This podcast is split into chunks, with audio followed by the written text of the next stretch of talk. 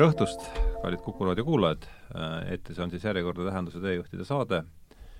Ja enne, kui ma tutvustan tänast, tänaseid saatekülalisi, ma loeksin ette, nagu meil tavaks on, mingi lõigu kuskilt, käesoleval juhul tuleb see mu enda, ühest mu enda varasemast kirjutisest, mis siis natukene märgiks selle teema enam-vähem maha ja siin kirjutis ilmus mul kunagi Nihika siis ähm, sellel veebilehel, nüüd on see maas, kandis ta pealkirja Nõukogude Harvardi linnulausujad ja, ja see oli siis äh, kui ma nüüd õigesti mäletan, oli see arvustus, pikem arvustus äh, Nassim Talevi raamatule Anti Abras, ma arvan ja, ja kuivõrd Taleb võttis seal jutuks sellise te tegelase nagu Rai, Rai Kurzweili, kellest meil täna tuleb tõenäoliselt ka äh, vähemalt osaliselt juttu, siis äh, mulle tundus see tegelane päris huvitav. ja, ja ma alustasin oma kirjutist ka temast ja tema siis, temast on meil teada järgmist, et kui ta on üles ärganud, siis tema sööb ära paar röstsaia, joob, rüüpab tassi kohvi piimaga krõbuskeid ja siis haukab sinna peale sada viiskümmend äh, tabletti. et äh, need on nüüd mõned aasta tagused andmed, et varaseks on võib-olla veel rohkem neid. ja kiidab ta siis Kanada nädalakirja, nädalaajakirjale, kes teda intervjueeris, et bioloogili-, kõik mu näidud on ideaalses, ideaalsetes vahemikes, bioloogiliste testide järgi olen ma tegelikkuses vanusest noorem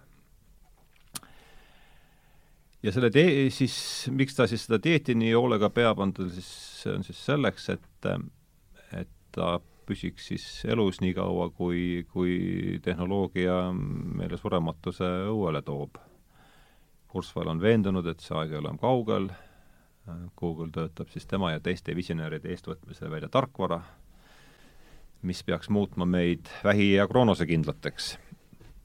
bioloogia on tarkvaraprotsess, võtab ta napisõnaselt kokku, siis Silicon Valley usutunnistuse ja mis nüüd lähemale sellele ja, ja siis otse siis tsiteerides sellest oma varasemast kirjutisest Ray Kurzweililt pärineb ka Põhja-Kali-, Põhja-California tehnoloogilise optimismi evangeeliumi võtmemõiste, singulaarsus. kosmoloogid kirjeldavad singulaarsusena uni-, universumi olukorda suure paugu alghetkel, mil puudusid nii kõiksuse korda määravad loodusseadused kui ka aeg ise. inimese ja looduse vahelistesse suhetesse ülekantuna tähistab singulaarsus ajahetke millest alates tehnoloogiline areng, areng hakkab kulgema inimesele kujutamatul moel ning kiirusel. kõik saab võimalikuks. no vot, nii et äh, laias laastus oleks äh, tänase jutuajamise teema singulaarsus äh, ja selleks on siis nagu ikka kaks saatekülalist, tere tulemast, Tanel Tammet! tervitus! ja tere tulemast, Arne Hiiop! tere! et äh, olge nii kena, öelge enda kohta paar sõna võib-olla äh, vahest ja siis, äh, siis äh, juhatame jutuajamise sisse.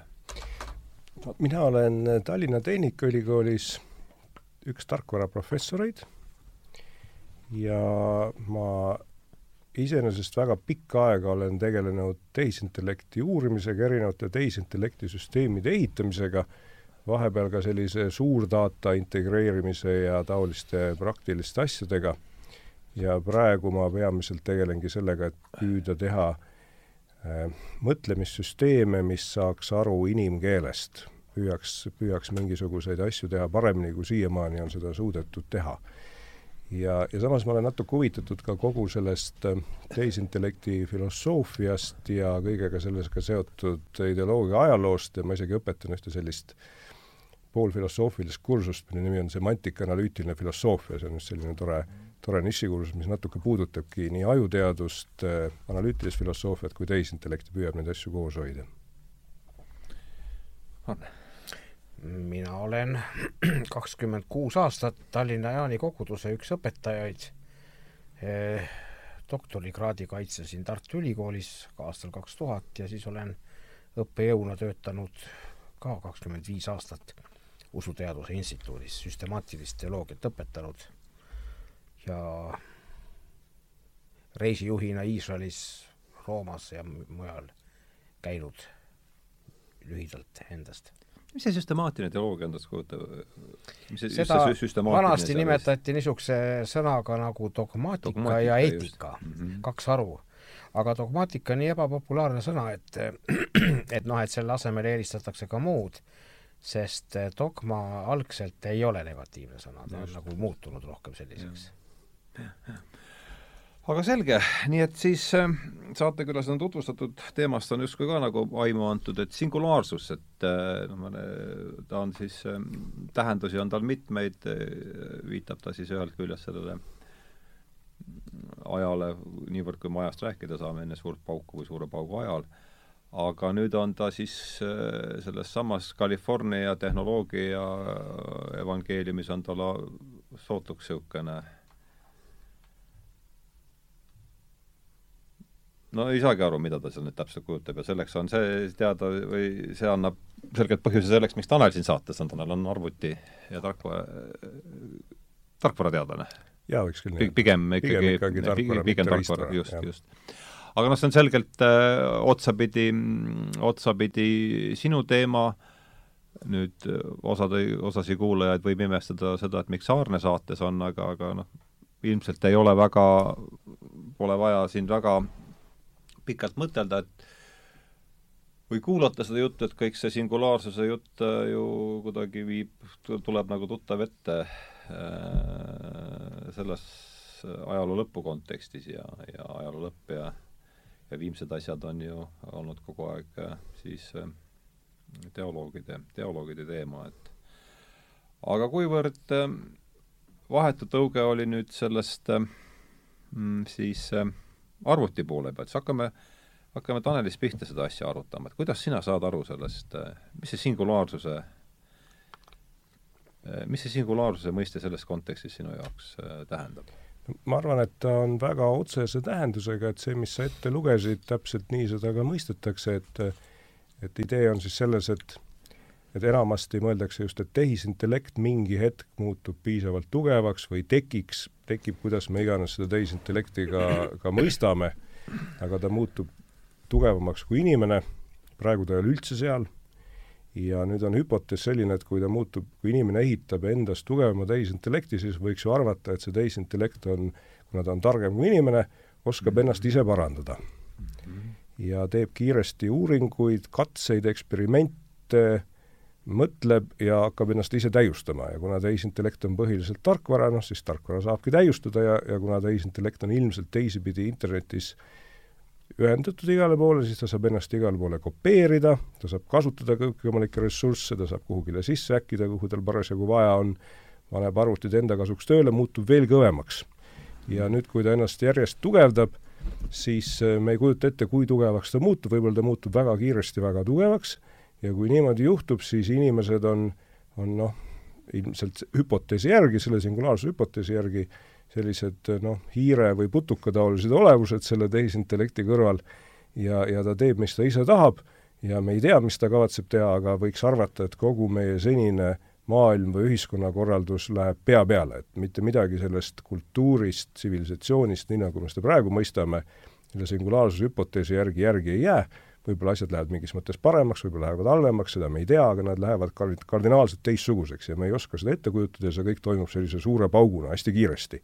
See on nüüd selle singulaarsuse teooria, teooria idee, eks ole, see lõpp läheb hästi ruttu ja see, noh, see mõte, kust see tuleb, on lihtsalt see, et kui sa kujutad ette tehnoloogilist arengut mingi graafikuna ajas, siis enamasti tundub inimestele, et, et, et see graafik tõuseb kiiremini ja kiiremini üles, et mida aeg edasi, seda kiiremini see tehnoloogiline kasv läheb ja, ja siis võiks ju ekstrapoleerida, et noh, et ju ta läheb siis veel kiiremaks ja nüüd võime seda graafikut, kui me kuidagi selle ette joonistame enda mingi ettekujutuse järgi, võime siis ekstrapoleerida, et mis ajal see kasv läheb nagu ülikiireks niimoodi peaaegu vertikaalselt üles mm. -hmm.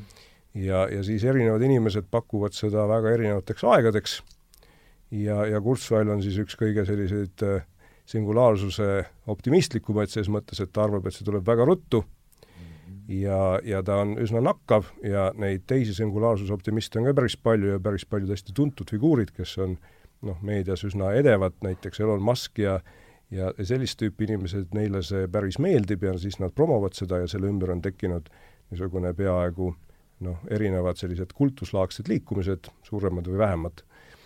ja, ja nüüd ma ütleks, et see, need kultuslaadsed liikumised jagunevad natuke kahte ossa, et et osad on sellised, kes pigem kardavad seda ja mõtlevad, et seda tuleks ära hoida või seda tuleks kontrollida, et äh, noh, ei ole põhjust arvata, et meil läheb tingimata väga hästi, et oht on hästi suur, ja teised, kes arvavad, et et kui me püüaksime nüüd mõelda, et et hoiame seda ära ja takistame seda kuidagi, aga samal ajal, et kui me ei suuda seda ära hoida, see igal juhul tuleb, siis võib-olla oleks mõistlik äh, kohe algusest peale suhtuda sellesse nii-öelda tekkivasse tehisintellekti positiivselt ja teda aidata ja soodustada ja umbes selle mõttega, et see tehisintellekt hakkaks meid käsitlema kui, kui sõbralikke toakoeri või, või selliseid äh, noh, sõbralikke, sõbralikke elukaid, keda on tore kodus pidada ja toita ja patsutada, ja ei, ei suhtuks meisse kui sellistesse negatiivsetesse sääskedesse või pusklevatesse, pusklevatesse ärgadesse, keda tuleb eemale hoida või maha lüüa.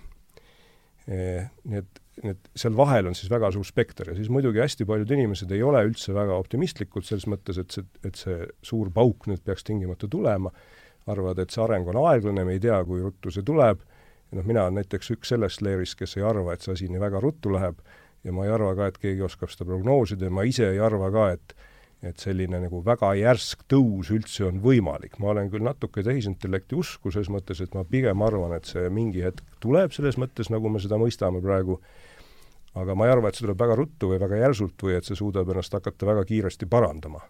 et mina kaldun sellist aeglast evolutsiooni uskuma selle juures, aga lõppkokkuvõttes on see kõik äärmiselt spekulatiivne, eks, sest keegi tegelikult ju ei tea jah, see, aga see singulaarsus ikkagi viitab kuidagi see mingi just, ma saan aru, et see, see pilt on just see, et see läheb järsku niimoodi, see on midagi nulliga, ma mäletan, omal ajal oli, kui maatriksi pööramine käis, et see sõna, see sõna nulliga, nulliga jagamine on ikka see kuidagi see, see asi. no jah, ma isegi ei tea, kus see, kus see täpselt tuleb, eks nulliga jagades on küll niimoodi, et kui sa jagad ühe väiksema arvuga, siis see asi tõuseb kiiresti üles, aga just, samasuguse efektse graafiku saad eksponendiga, sest eksponent läheb ruttu üles. aga see sõna vist põhiliselt on olnud populaarne äh, selles mõttes, et kui sa kujutad ette musta auku ja sinna kukkumist, et siis noh, ta kuidagi imab kõike endasse välja enam ei saa ja siis on, siis on päris lõpp ja ja et see on, on mingisugune selline füüsiline singulaarsus. ja see tarkvaraline singulaarsus on lihtsalt sealt kasutusele võetud metafoor. metafoor just, jah. nii Arne, mis juttu kõik, kuidas see, see dialoogi kõrvaldada, kogu see, see uljas tulevikupilt? no mul on hea meel kuulda, et tõstab kohe enesetunnet, kui ma kuulen, et teadlased ka suured usumehed on. et see on ka tõesti spekulatiivne, nagu ma kuulsin, lõpus ütlesid, ja ja mitte mingeid tõendeid niisuguste asjade kohta ei ole, nii et usu küsimus. et ega me usust ei pääse võib-olla sammhaaval pääseme teadmistega edasi, ütleme nii, nagu seda, kui vaadata seda universumi alguse singulaarsust ja seda, siis nii, nii palju, kui ma lugenud olen, et universumi paisumist on korduvalt mõõdetud, et see, et universum alguse sai, ei ole hüpotees ega teooria, vaid see on äh, reaalsus. aga see, mismoodi edasi teadvus tekib või läheb, see on puhtalt spekulatsioon ja hüpotees ma lugesin hiljuti ühte niisugust eh, toredat meest nagu eh, Yuval Noah Harari mm, -hmm, inimkonna lühiajalugu. Mhm. ja siis kahte järgmist juba jõudsin ka kiigata. et eh, tema on niisuguse, ütleme ikkagi ateistliku hoiakuga ja räägib mhm. sarnastest asjadest, tehisintellekti tulemisest, aga ta vähemalt kaks, kui mitte kolm korda nimetab ära, et mitte keegi ei ole eh, selgitanud vähemalgi määral, kuidas aju teadvust tekitab. ja mitte ainult tema seda ei räägi, vaid seda on mujaltki loetud. Eh, ja eh, minu poolt vaadates on juba esimene küsimus, et kas teadvus, kas aju üldse tekitab teadvust. kui ma mõtlen sellisele asjale, et läbi aja, aegade on inimesed Jumalat mitte ainult uskunud, vaid enda arvates ka kogenud. ja keegi ei ole seda ümber lükanud, siis minu positsioonilt tuleb väita, et kõigepealt tuleb ümber lükata, ümber lükata siis mis? See, et Jumalat ei ole, et Jumalat tegelikult ei ole olemas. minu jaoks on see puhas hüpotees, mis on sekundaarselt tõstetud. primaarpositsioon on see, et enamus inimesi mingit kõrgemat võimu aimavad või tajuvad. juba muinasajast peale, neandertaalasest peale on selle kohta jälgi ja mhm. keegi ei ole seda kummutanud, keegi ei ole seda äh, paremini seletanud, peenhäälestus läheb universumil niimoodi algusest peale sealt, et ta jõuab täpselt välja inimeseni, korduvalt on teadlasi osutanud sellele, et kui oleks mõni väike asi teistmoodi, siis üldse sellist tagajärge ei olekski, nagu meil praegu on. nii et kui me praegu räägime, et kuskilt tekib teadvus, me ei ole, me ei ole enda kohta teinud üldse selgekski, mismoodi meis peaks teadvus aju, aju poolt tekitatama. mina selles kahtlen, kas aju teadvust tekitab, ma mõtlen ikkagi, et vaimne dimensioon on midagi muud, aga olgu pealegi, see on meie usk ja kogemus.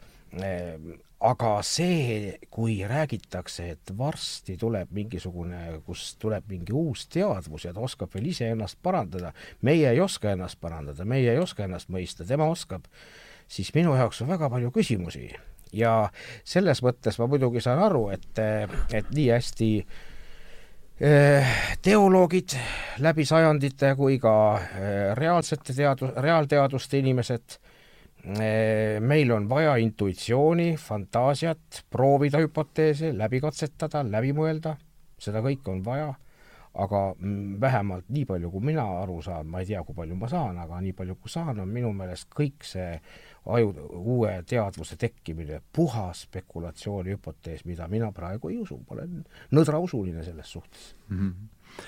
nojah, siin on mitu teemat, mis teie avasõna või sõnavõtud on võib-olla küll niisugune formaalne mõiste selles kontekstis, aga teie ütleme, see avasõnade baasilt võib liikuda väga mitmes erinevas suunas, üks on seesama teadvus, äh, tehisteadvus või siis tehisintellekt. aga ma ei teagi, võib-olla peatume siin äh, isegi enne, kui me läheme selle singulaarsuse juurde, et mis äh, kuidas sina mõistad üldse seda, Tanel, sõna teadvus, mis enne seda, kui me üldse tehisintellekti või tehisteadvuse juurde siis läheme, et mis, mis see sinu jaoks on? no see on, see on, ma arvan, enamus inimeste jaoks, kes on sellest mõelnud või lugenud, on suur mõistatus. et äh, täiesti selgelt mitte kellelgi ei ole mingit head ettekujutust, mis asi see on. ja siis on, on palju selliseid levinumaid spekulatiivseid teooriaid, mõned sellised eksootilisemad, mõned vähem eksootilised ja üks on ka selline, mis mulle tundub natukene noh, asi, mis mulle meeldib või mm, -hmm. või tundub usutav, mis ei seleta seda kõike ära. aga visandage võib-olla alguseks sama spekulatiivsed teooriad, et, et, et üks spekulatiivne teooria on umbes see, et, et võib-olla on kõigel teadvus. Ja see on, see jah, panpsühhismi on ka päris mitut liiki, et et mõned panpsühhistid arvavad, et noh, et ka igal elektronil on kõige minimaalsem teadvus ja siis, kui on natuke suurem objekt, et siis tal on natukene rohkem teadvust, aga selle juures tekib alati see küsimus, et kui sa paned mitu asja kokku, kui sa paned elektronid kokku molekuliks ja molekulid paned kokku rakuks, et kas siis neil kõigil on omaette teadvus ja siis tervikul ka teadvus. et jääb kuidagi ebaselgeks, et kuidas need teadvused suhestuvad ja siis on olemas selliseid natukene äh, peeneteralisemad teooriad, mis räägivad sellest, et et tuleb vaadata mingisuguseid tervikobjekte ja nendel tervikobjektidel on siis selline noh, hüpoteetiliselt mingisugune mõõdetav väike teadvus võib-olla, eks ole.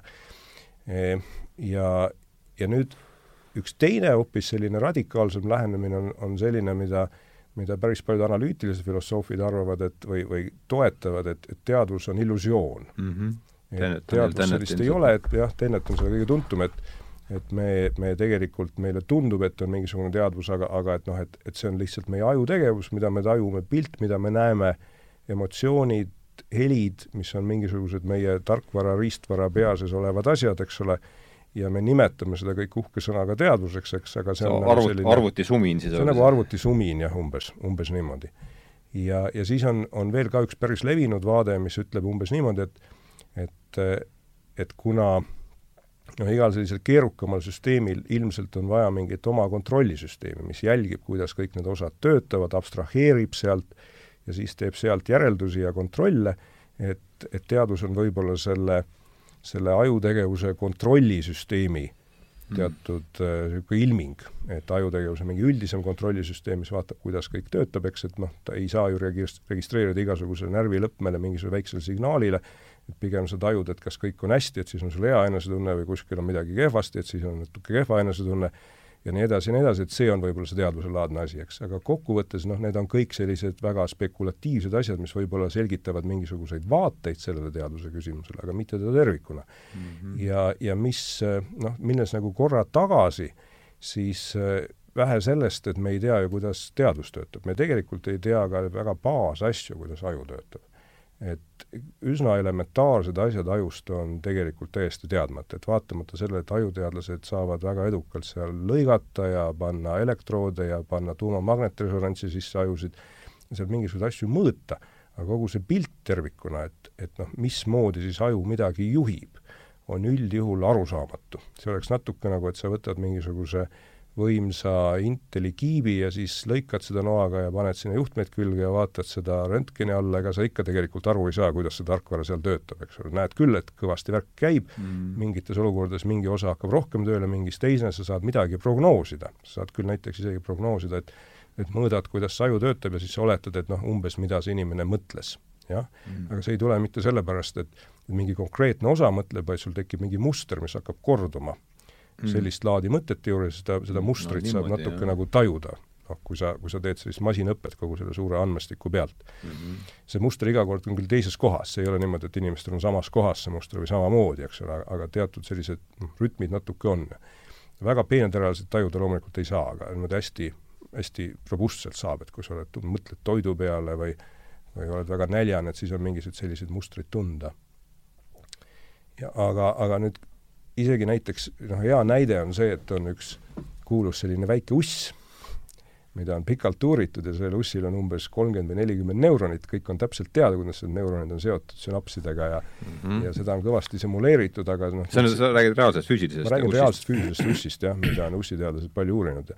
Ja mis ongi selline ajuteadlaste selline nagu kõige lihtsam objekt, et uurida kõige lihtsamat närvisüsteemi, mis on täielikult kaardistatud ja nüüd, kui sa proovid prognoosida, et kuidas uss tegelikult liigutab või proovid aru saada, et mismoodi need nelikümmend neuronit tegelikult siis seda ussi juhivad, siis see jääb üldpildis ikkagi arusaamatuks. ja, ja kui psühholoogid räägivad meile sellest, et, et noh, umbes mismoodi mälu töötab, nad võivad teha küll palju eksperimente ja nad teevadki väga huvitavaid eksperimente, me saame igasuguseid aspekte mälust teada, aga see, see mehaanika, et mismoodi ajus mälu töötab, et mismoodi need neuronid tegelikult noh, kus ta nagu on või kuidas ta on kodeeritud või kuidas seda välja kutsutakse, see on täielikult teadmata. nii et enamus sellest, mis aju teeb, on tegelikult täielikult teadmata. ja ei ole ka näha praegu mingeid väga kiireid eh, hüpp-, hüppeid tulemas, et aeglane areng on, natuke aeg saadakse teada, aga see areng on hästi aeglane tegelikult. mina ei usu näiteks, et lähema paarikümne aasta jooksul keegi fundamentaalselt rohkem saab aju, kuidas aju töötab. ja, ja kui niimoodi mõelda, et kui me isegi sellest aru ei saa, siis no ei ole ka, ei ole väga imelik, et me ei saa aru, kuidas teadvus töötab. Mm.. Arne? nojah, mulle, mul on huvitav kuulata, ega ma ei taha igat asja kritiseerida, aga kommenteeriks küll nii palju, et et seesamane esimene variant, panpsühhism, et äh, mingil tasemel teadvus on ka elektronil või üldse kõigil siis see on omaette teooria, mis on ju läbi sajandite juba olnud esindatud ja see väärib mõtlemist küll ja uurimist.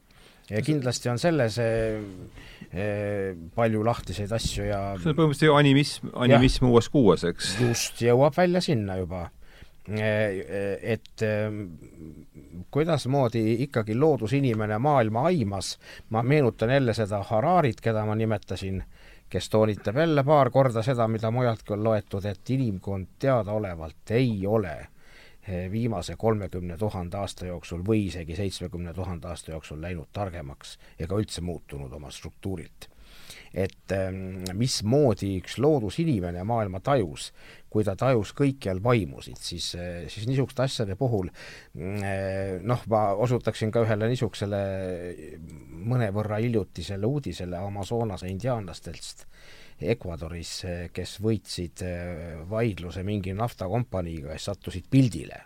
See oli pildistatud, neil olid ikka juba riided seljas ja aga mingid joogitopsid käes niimoodi, nii et tsiviliseerunud, siis nad nimetasid et nemad mäletavad, et nende vanavanemad veel uskusid, et maailm ongi ainult niisugune roheline mass, nagu on džungel. Nad muud ei teadnud no. pluss kõik kohad on täis vaimusid. et antud juhul ei ole nagu tähtis see, kuidas vaime kujutleti, kui ta kujutles maad selline inimene lihtsalt ühe rohelise džunglina, seda võis ju vaimu kujutleda endasugusena. aga vaid küsimus on, kas mingid vaimud, mida ka teistmoodi võiks kirjeldada, mingid vaimsed väljad või vaimsed suhted või midagi, kas need on olemas ja kuivõrd need on olemas ja nagu see küsimus jõuab sinna välja, selle panpsühhiismiga ja animismiga. et kindlasti on minu arvates see valdkond, eh, mis väärib uurimist ja kus võiks kah eh, midagi juurde tulla aga mis puudutab nüüd sellesse teisesse arusaamisesse, et, et isegi mitte ainult, et äh, esemetel pole teadvust, vaid ka isegi inimesel ei ole teadvust, vaid ainult see on te-, sisuliselt on see teine äär, eks? jah, teine äär, eks ole, ainult niisugune tehniline kolin, mis peas on siis äh, ma kardan, et see on selline nähtus äh, nagu solipsismi äh,, solipsistlik seisukoht, et midagi lõpuks jõuab välja selleni, et kuna ma kuna ma mitte midagi välismaailmas ei saa teistmoodi tajuda kui läbi enda teadvuse, et siis ma võin minna teise äärmusse ja öelda, et midagi muud ei olegi olemas kui ainult minu teadvus ja minu kujutlused. et lõpuks see selline Max Stirneri suhte, taoline üheksateistkümnenda sajandi nähtus või mujal siin-seal ennast esile kerkitav nähtus ikkagi jookseb ummikusse, sest sa ei saa oma kujutlusi muuta ja sa ei saa oma kujutlustele selgeks teha, et neid olemas ei ole ja minu meelest seesamane on ka üks niisugune abstraktsioon, et kui öelda, et meil ei ole teadvust, seda väidab teadvuslik olend. just siis, nimelt teadvu-, illusioon peaks nagu teadvuses, eks ole. ta läheks nagu, ta läheks nagu Descartesiga ka vastuollu, Descartes jõuab oma analüüsis ju sinnani, et et ma ei saa, üks, üks kaheldamatu asi on olemas, see, et ma olemas olen mm. -hmm. ma mõtlen, kui ma olen, ma kahtlen, kui ma kahtlen ja kui nüüd inimene väidab, et teadvust tegelikult ei ole olemas, siis ta kuidagi mängib sõnadega. ja praktikas, ma arvan, ta elab teisiti, tal on ikkagi oma perekond armas ja tal on ikkagi mida, mingid mälestused, mis temast inimese teevad. et see on rohkem ka minu arvates ikkagi, see pigem on teooria, pigem kalduks siis juba toetama panpsühhismi aga noh, mingis mõttes ma ei tea, kas see võiks selles enam kui sellise lihtsa ja, ja keeruliseks me siin väga minna ei saagi, et kui võtta sellised, ühte sellist äh, skaalat vaadata, siis tõepoolest äh, vaated teadvusele, et ühes ääres oleks panpsühhism, mis ütleb, et teadvus selle mingil elementaarsel tasandil on osale, omane kõikidele siis äh, iseorganiseeruvatele süsteemidele ja teine pool on seesama siis, äh, mida Tennet siin esindab, et et teadus on illusioon või, või tehniline kolin peas. et kas me võiks sellise tänase saate raames vähemasti selles või, või tundub see kuskil, see skeem liiga lihtne või jätab ta midagi? ta on nagu enam-vähem, aga ma arvan, ta on ikkagi natukene liiga lihtne, sellepärast et no mis sa on... sealt lihtsast joonest ootadki, eks? seal on päris palju kus, ütleme, kus kõige rohkem jätab see, soovida, see asi? No ma arvan, et ta jätab tegelikult igast otsast natukene soovida. no lihtsad asjad, lihtsad mudelid peavad jätma, jah. juba sellest panpsühhismist, et seal on ka päris mitu viisi, kuidas sa võid seda interpreteerida, mis on tegelikult üsna erinevad ja ja, ja noh, kui sa ütlesid, et et seda peaks uurima, siis seal on asjadel alati see probleem, et neid ei saagi uurida. Või vähemalt meil ei ole mingeid viise neid uurida. et me saame ainult nendest rääkida või mõelda niimoodi mõtteeksperimentidena, aga noh, sellist reaalset katset, et mm, et kuidas elektroniline teadvusega on, et seda no ilms, ilmselgelt keegi ei suuda teha. noh, võib-olla tulevikus keegi suudab, aga praegu ei paista küll sedamoodi ja ja, ja teisipidi, kui me Tennetit vaatame, siis on täpselt see, mis sa ütlesid, et et, et küsimus on natuke selles, et kui palju see on selline sõnamäng või küsimus sellest, et kuidas me teadvust nimetame, sest ega Tennet ei eita seda, et et temal on ka emotsioonid, ta on täiesti harilik inimene, nagu meiegi, eks, et ta ei ole kuidagi teistsugune, aga ta lihtsalt arvab, et sellist noh, nagu pidulikku teadvust ei ole, et umbes seesama harilik ajutegevus ja see kolin, et see ongi, et see on nüüd noh, rohkem sellise nimetamise küsimus natukene või kuidas me seda tajume, sest et et ma arvan, et ega keegi ei oska ka öelda, kuidas Tennetit nüüd õieti interpreteerida tuleks, et ta, ta isegi ilmselt ei oska seda täpselt öelda, eks. Ja ma tahaks tulla korraks otsaga tagasi, vaata selle juurde, mis sa ütlesid, et et inimkond ei ole arenenud, et selle nurga pealt me saaksime ka vaadata ju, et noh, selgelt ju mingi areng on, eks ju, sa ei mõelnud seda, et noh, on teada ju, et, et küllalt levinud on nende antropo- äh,, antropoloogide seas oletus või pigem isegi teooria praegu, et et ürginimese ajud olid veidi suuremad, et neid saab mingite koljudega mõõta, et ju me läksime siis rumalamaks, kui me hakkasime koos elama ja, ja vilja kasvatama, mis võib täiesti olla, eks, ja teisipidi me kõik teame, et ühiskond tervikuna on päris tugevasti arenenud, inimesed ilmselt ei ole, et võib-olla inimesed on natuke mandunud, aga ühiskond tervikuna ei ole mandunud, et tema on muutunud palju tugevamaks ja see ühiskonna kiire areng on see, mis meil on tegelikult näha. et kui me mõtleme, et tehnoloogia kuidagi läheb hästi kiiresti üles, siis ma arvan, ühiskond läheb nagu rohkem üles, et ühiskonda natuke rohkem ja siis võiks isegi ju noh, on päris levinud sellised erinevad äh, mõttespekulatsioonid, et kui me kujutaksime ette ühiskonda kui aju, et ta näiteks koosnebki inimestest kui sellistest eraldi väikestest osadest, mis on omavahel seotud sünapsidega, nagu neuronid on, et võib-olla see ühiskond tervikuna tedagi võikski vaadata mõistusliku olendina ja mingis mõttes ta natuke on, sellepärast et, et ühiskond teeb asju, mida ükski inimene ei suuda teha, eks see on täiesti selge. tehisintellekt. no peaaegu ükski asi, mis me enda ümber siin näeme toas, ei ole asjad, mida ükski inimene suudab mm. teha, me lihtsalt ei oska, seal on nii palju komponente nende asjade tegemise juures. Ja keegi peab neid tegema, siis võiks küsida, kes see teeb, eks me saame aru küll, et ühiskond tervikuna teeb, ja see ütleb, et tema võime on palju suurem, nagu tohutult suurem kui üksikutel inimestel. Ja, ja noh, nüüd võib tekkida kohe küsimus, et huvitav, et kas, kui need inimesed on üha rohkem seotud omavahel, et äkki siis on sellel ühiskondlikul ajul, mis mingis mõttes on kindlasti olemas, et äkki tal on ka teadvus, see on nüüd väga spekulatiivne asi, et mis see siis tähendaks. Ja me võime ka umbes mõelda, et, et kui inimesed endaga endid üha rohkem seovad või tihedamaks muutuvad, nagu rakud ajus, et siis võib-olla see teaduselaadne tegevus läheb seal tugevamaks, et näiteks kui me mõtleme kas või harilike asjade nagu Facebook ja Twitteri peale, et sa, inimesed kogu aeg üksteisega midagi, mingit infot vahetavad üha kiiremini, nad on mingis mõttes nagu kiiremini seotud või kiiremini organiseeritud, on see siis hea või halb, eks, aga nad on kiiremini organiseeritud. et selle kaudu võib-olla see teadvuselaadne asi nagu ilmneb natuke rohkem või. Ja, noh, see on jällegi puhas spekulatsioon, aga niimoodi võib ka mõelda, et see on ka üks, üks neid küsimusi selle teadvuse juures, et, et võib-olla ka sellistel suurematel kogumikel võiks olla teadvus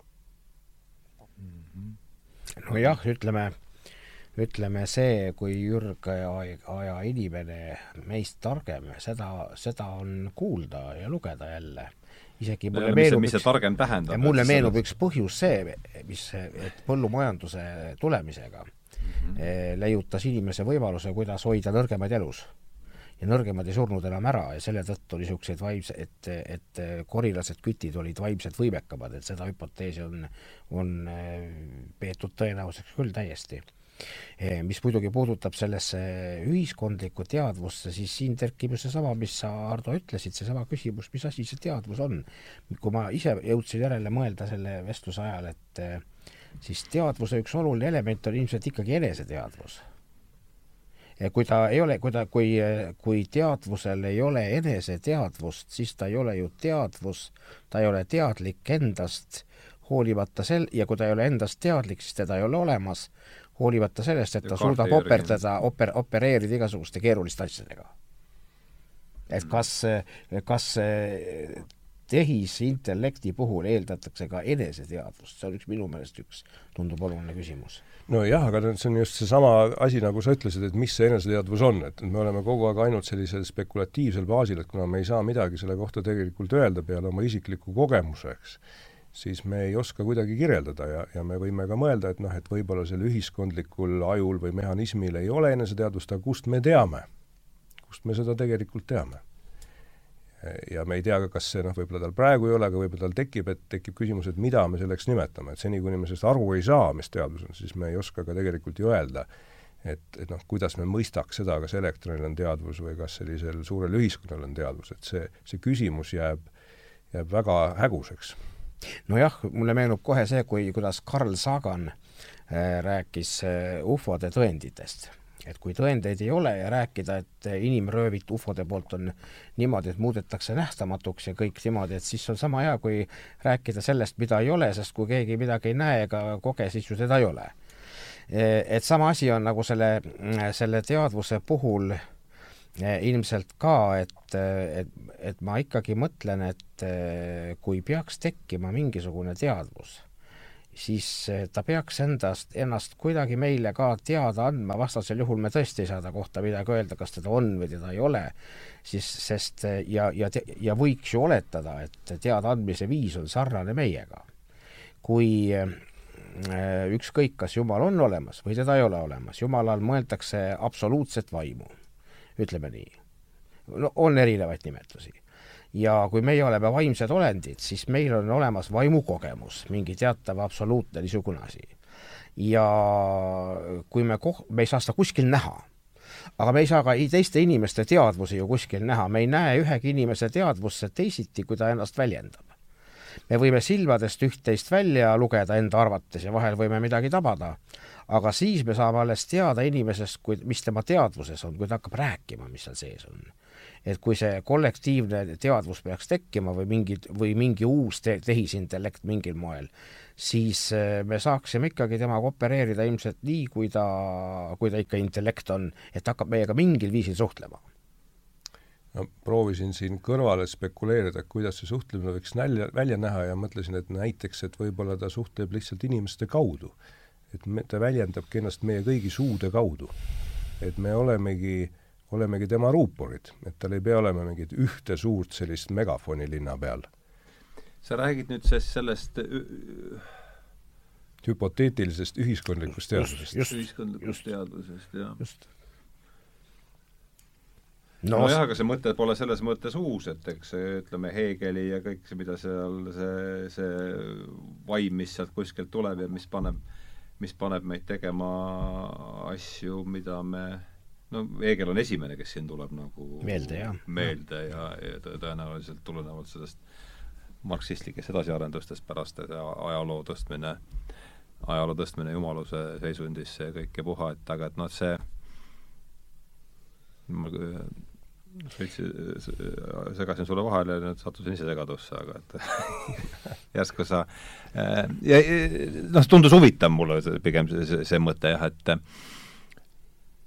et see pa-, et see vaim tegutseb läbi tegutseb läbi meie, läbi meie suude, see kõlab ja, ja ta selgelt ju noh, meie ei ole üksikisikud väga just, üheselt, me just. oleme väga selgelt ühiskonna osad, me oleme hästi intiimselt ühiskonna osad, see, mis me mõtleme, tuleb teistelt inimestelt põhiliselt, see, milleks me oleme kujunenud, tuleb teistelt inimestelt, eks, ja kui sa ka ütlesid, et et noh, me ei saa ennast ise täiustada, see ei ole ju, kõik saavad aru, et see ei ole päriselt, päriselt niimoodi, sellepärast et me oleme ennast kogu aeg täiustanud läbi äh, läbi kultuuri, hariduse, raamatute, õpetuste me saame kogu aeg, me muutume, päris oluliselt muutume ja inimese ajustruktuurid muutuvad, et et on suhteliselt selge, et kui inimene on lapsest peale õppinud lugema, siis, siis mingisugused tema ajuosad on nagu teistsugused, võrreldes sellega, et ta ei ole õppinud seda tegema ja ja on päris jällegi toredad antropoloogide teooriad, mis ütlevad, et et inimesed, kes on kasvanud üles suguharus, kus ei ole kirjaoskust, et nende sotsiaalne võimekus on kõrgem ja see spekulatsioon on see, et, et kirjaoskus justkui võtab nagu osa sellest ajutegevusest üle, mis muidu läheks sotsiaalse võimekuse alla, ja, ja aju, osad mm -hmm. ajud hakkavad midagi, midagi muud tegema, see on, selleks ei ole minu meelest päris kindlaid tõendeid, aga, aga sellised spekulatsioonid on, et justkui natuke on uuritud seda. kas see ei vii ka välja kuskile sinna Carl Gustav Jungi arhetüüpideni mm? -hmm. see kaasas, kaasapäranduvad eh, mõtlemistüübid ja mustrid, eks ole ja täpselt samamoodi.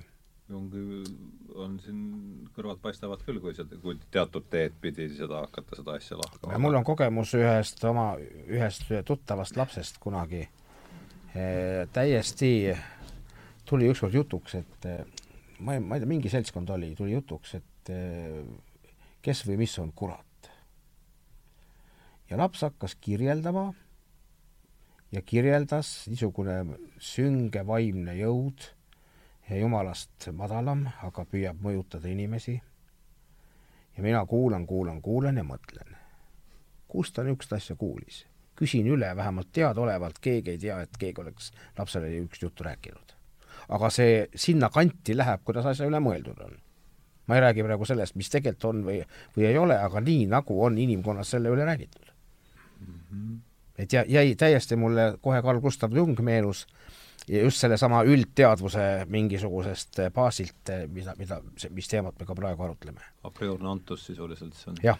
ja mingis mõttes Jungi natuke modernsem variant on Naam Chomsky, sellepärast et no huvitav, see, räägi seda jaa, et sellest noh, kui me mõtleme, et kuidas keel, kuidas inimene keelt õpib, et mis on vaja selleks, et sa suudaksid rääkida, siis äh, siin on üsna palju erinevaid arvamusi äh, ja Chomskylikud arvamused on need, mis ütlevad, et suured osad sellistest äh, ajustruktuuridest peavad olema juba ette olemas. noh, ilmselt nagu geneetiliselt, geneetiliselt ja evolutsiooni käigus tekkinud, mis, mis sisaldavad seda kapatsiteeti rääkimiseks.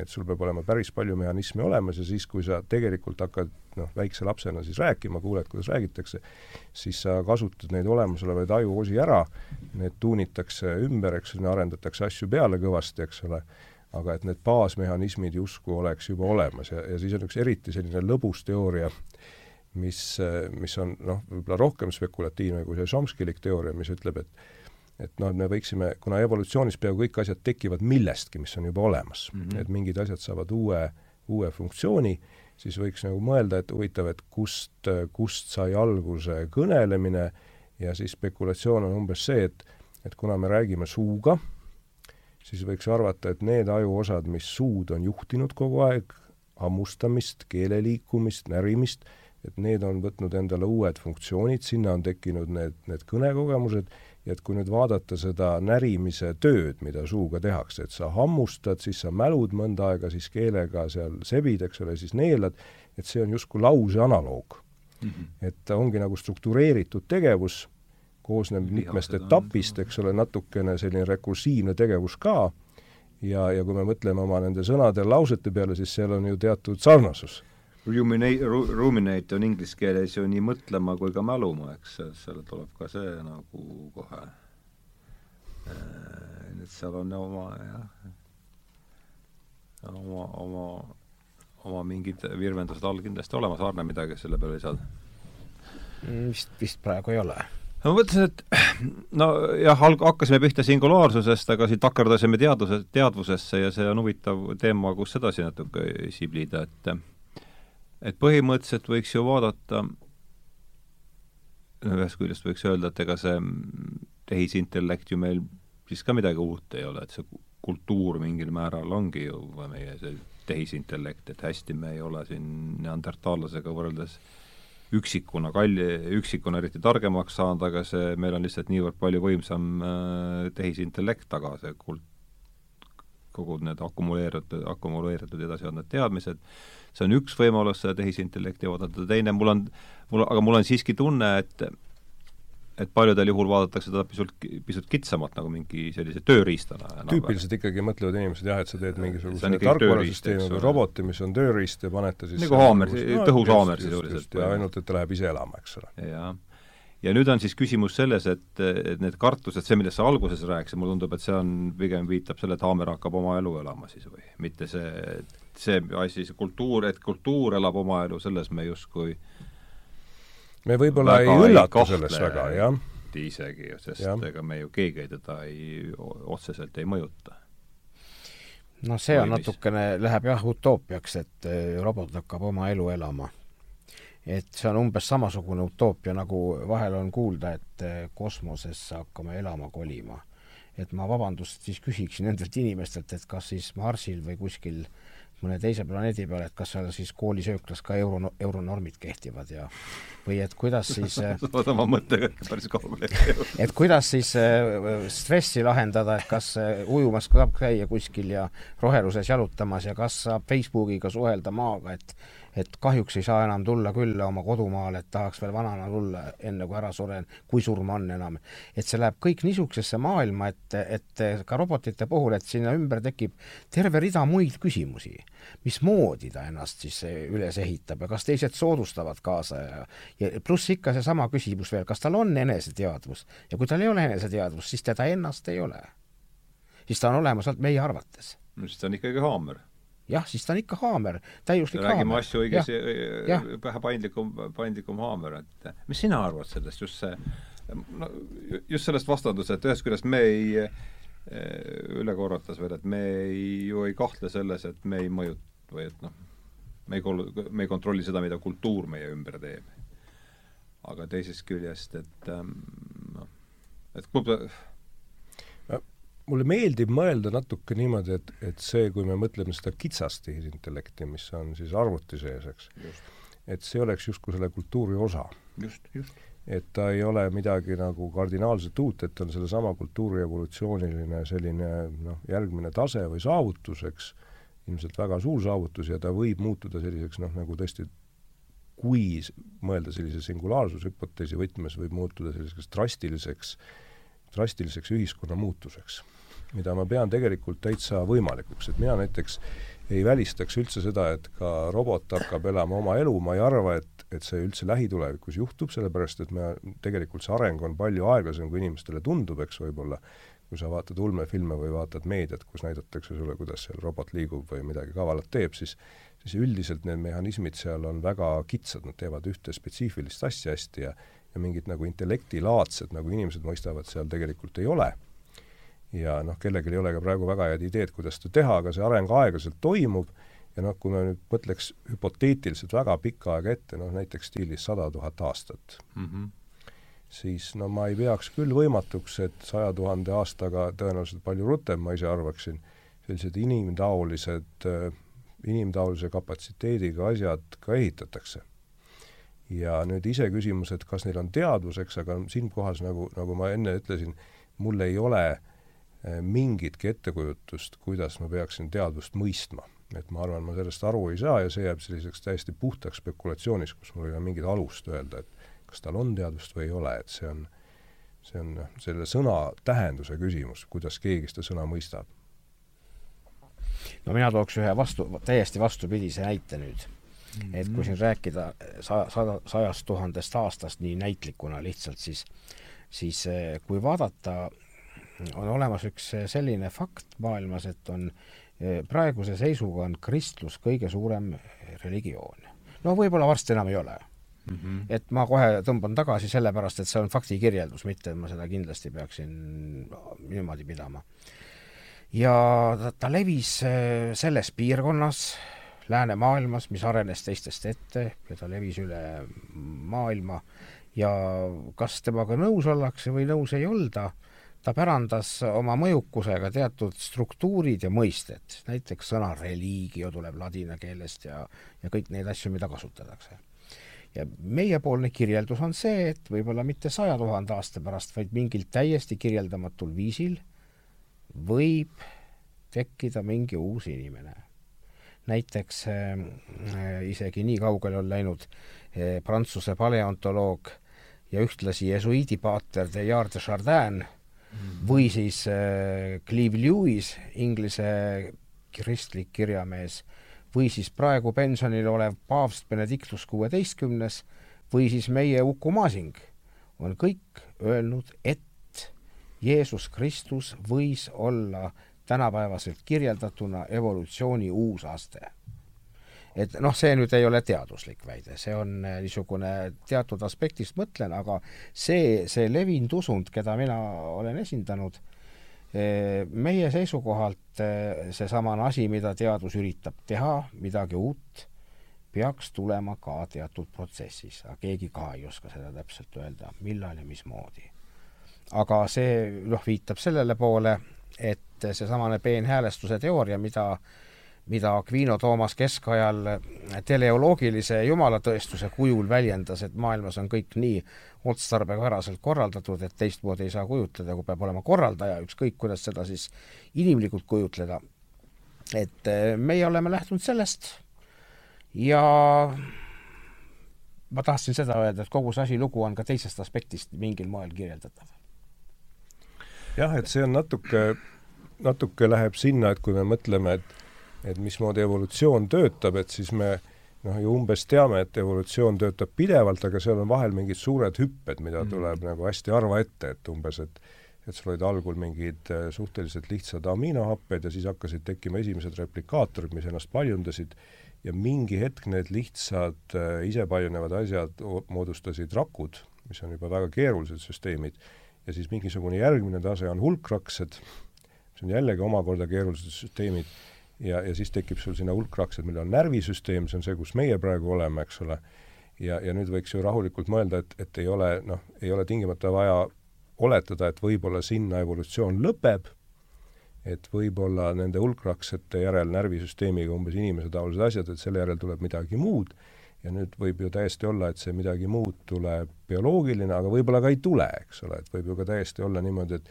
et miks mitte inimesed ise ehitavad selle järgmise evolutsioonilise taseme.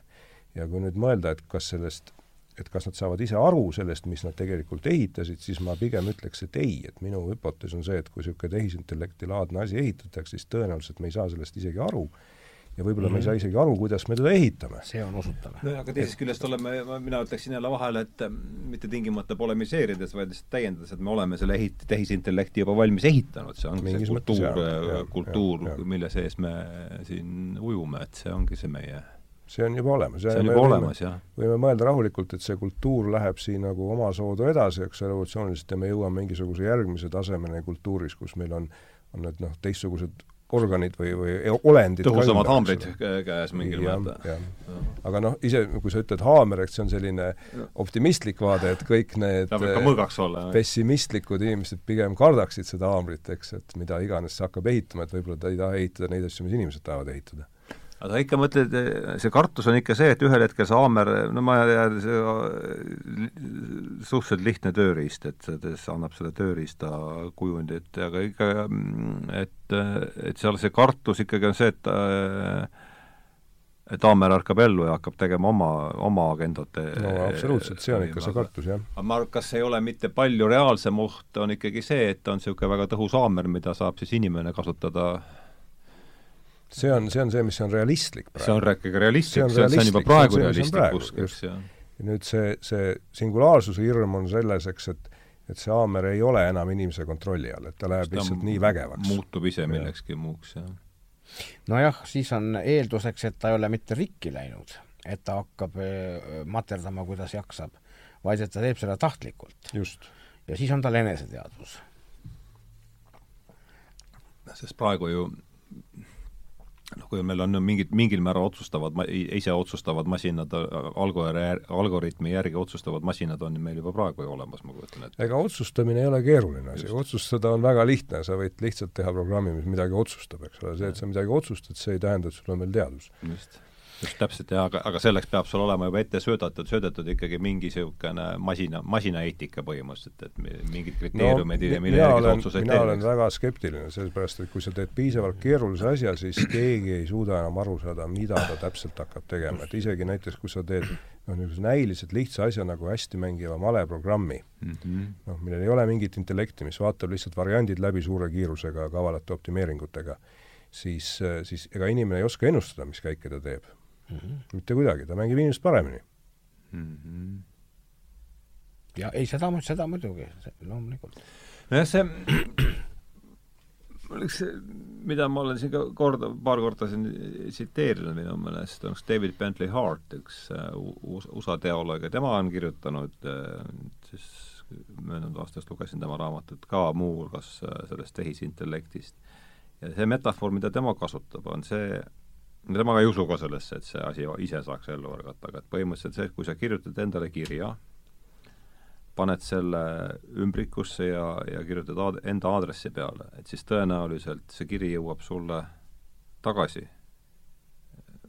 jõuab sulle see kiri, aga et on väga noh, ei ole väga mõttekas oletada, et seal oleks, selles ümbrikus oleks midagi muud kui see, mis sa sinna sisse kirjutasid, et sealt ei tule midagi juurde, et lõpuks saad sa ikkagi sealt sellest äh, arvutisüsteemist tagasi selle, mis sa oled sinna sisse pannud. nagu sa ütlesid, see maleprogramm ei, ju ei, ta ja, lihtsalt suure, suure lihts... kiiruga rehkendab. see on lihtne näide. kui sa teed piisavalt keerulisema asja, siis, siis nagu peaaegu miski, mis ta teeb, ei ole enam ennustatav. et näiteks, kui me võtame needsamad meie praegu esma, esmased isesõitvad autod mm, -hmm mis ei ole väga head ja mis tõenäoliselt veel lähiaastatel niimoodi teedele massiliselt ei tule, sellepärast et ka need lihtsad küsimused, näiliselt lihtsad küsimused, et kuidas ikkagi aru saada, mis sul ees on ja mis seal kõrval on ja mis, mis oht võib sind varitseda, et need osutusid ikka palju keerulisemaks, kui kui optimistid arvasid, siis ega me ei oska ennustada tegelikult, kas isesõitev auto, mida ta täpselt aru saab ümbritsevast, mitte keegi ei oska seda ennustada, sellepärast et, et kõik need osad seal sees on sellised noh, keerulised rehkendused mitteennustatavad. see on mhm. põhimõtteliselt niimoodi. ja sellega nõus, aga ega, aga mitteennustatavus ei tähenda veel ju teadmuse, teadvuse olemasolu. ei, seda ei tähenda, jaa, jaa. aga, aga kindlasti ei ole niimoodi, et me saame kuidagi ette öelda mingile keerulisele masinale, mis ta tegema peaks, sest niipea, kui me mm. noh, kui see asi on lihtne, siis me saame öelda, kui see asi on piisavalt keeruline, siis me enam ei saa aga laias laastus saad sa ikkagi mingid sellised ju nõus, et ta noh, seal jääb alati käia tõmbad juhtme välja no, piltlikult öeldes. no ja, ja sa saad seda juhet välja tõmmata, võib-olla ma siin räägin natuke sellest äh, tehnopessimismi juttu, et et no internetis näiteks me keegi ei saa juhet välja tõmmata. sellist organisatsiooni ei ole olemas maailmas, kes saab internetist juhtme välja tõmmata ja nüüd, kui sa igale poole sellist tehisintellekti näiteks paljundad, sa ei saa tast enam juhet välja tõmmata.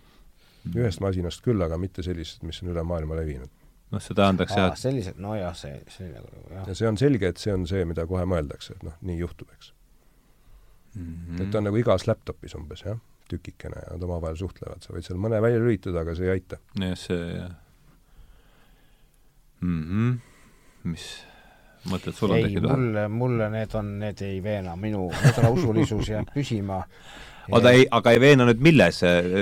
mul on juba korraks on läinud meelest ära, millele on... me siin üldse siin niimoodi täpselt, mis on nüüd see konkreetne küsimus, me oleme siit tähendab, kangutanud ühest ja teisest käest. aga mina, mis sind ei veena? mina olen nõdrausuline ja mind ei veena see, et aju tekitab teadvust aa, ikka sinna põhi, põhi, põhipunkti juurde tagasi. just, seda ei ole mitte keegi tõestanud. fundamentaalne koht tõenäoliselt. keegi ei ole tõestanud, miks universum pidi sellisena kujunema, nagu ta kujunes, kõik on kobavad hüpoteesid, mida peabki tegema, aga tõend-, tõestusi ei ole. ja sellepärast eh, ma võin öelda, et ma usun küll seda, et haamer läheb rikki ja võib hakata paha tegema, seda ma küll usun selleks ole seda... vaja palju, eks ju, seda võib, võib palju usku olla selleks vaja, ma kujutan. jah, aga see, et teda nimetada teadvuseks, ei no nimetada võib. aga kui ei ole eneseteadvust, siis pole teda ennast, ütleks niimoodi. et tuleks keegi kuri või vastupidi, hea tohutu võrgustik teadvus,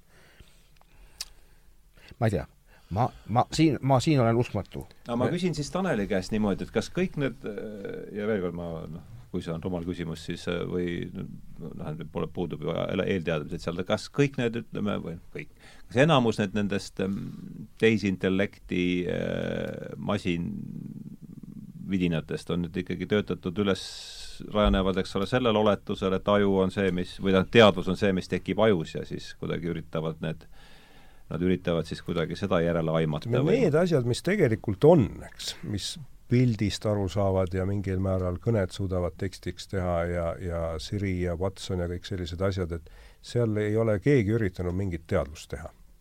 et seal äh, üritatakse lahendada neid konkreetseid äh, väga raskeid küsimusi, et kuidas sa ikkagi sellest pildist aru saad või malet mängid või, või mõistliku vastuse leiad küsimusele ja need on puhtalt sellised praktilised eksperimentaalsed algoritmid mm, -hmm. aga keegi ei keegi ürita aju, aju keegi ei ürita selle aju järele teha, keegi ei ürita seal teadvust järele teha, keegi ei ürita üldse midagi sellist teha.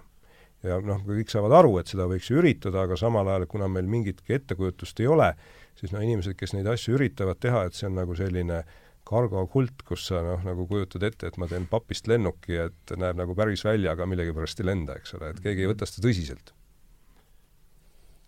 nii et kõik, kõik, mis töötab, on ikkagi niisugused konkreetsed probleemid, üritatakse lahendada sellise täpselt, konkreetsed ju, probleemid juhtum juhtumi haaval. juhtum juhtumi haaval lahendada, jah mm. -hmm. aga noh, siis on jällegi ma mõtlen nüüd seda, et et sinna Arne juurde tulla tagasi, et et mis on siis see, mida sina nüüd konkreetsel juhul, ma, ma olen sellega nõus, et siin on terve rida küsimusi, et, et noh, teadvus, kus see teadvus meil siin nüüd on, aga, aga see, kas ta, on ta meil kätketud meie ajudesse või ta, või ta on meist, meist väljaspool ka, aga ometigi ma saan aru, et need äh, tarkvaraarendajad selle üle oma pead üldse ei vaeva, nemad no ma arvan, et nad võib-olla vahel spekuleerivad selle üle nagu iga inimene, eks, aga nad mm -hmm. praktilises töös, töös ei, ei, ei, ei vaeva mm. -hmm. no ma ütleks niimoodi, et, et äh, mis asi üldse on religioon mm? -hmm. religioon on inimese võime lühidalt väljendudes kiigata natukene silmapiiri taha. ja kui öelda, et religioon kadugu ära, siis öeldakse, et inimene, ole vähem inimene, ole vähem võimekas, püüa vähem mõelda eh, nendest, nende asjade peale, mis praegu on veel kujuteldamatud. see, et inimene võib eksida oma kujutlustes ja asjades, see on arusaadav kõikide puhul, ükskõik kas ta, mis usku ta on või üldse mitte mingit usku, mingit usku nagunii ja ikkagi see moment on, et äh, mingil moel läheb religioon teadusest äh, kaugemale. kas tead-, teadusest või teadvusest? tea-, teadusest. sellepärast, et eh, teadlased ei saa kuulata seda, mida religioon ütleb ja religioon ei saa, kuulab küll mida teadus ütleb nii palju, kui ta saab, aga kuskilt maalt midagi jääb, see on isegi raskesti väljendatav, mis jääb, aga aga religioon ei saa uskuda teaduse hetkeseisu.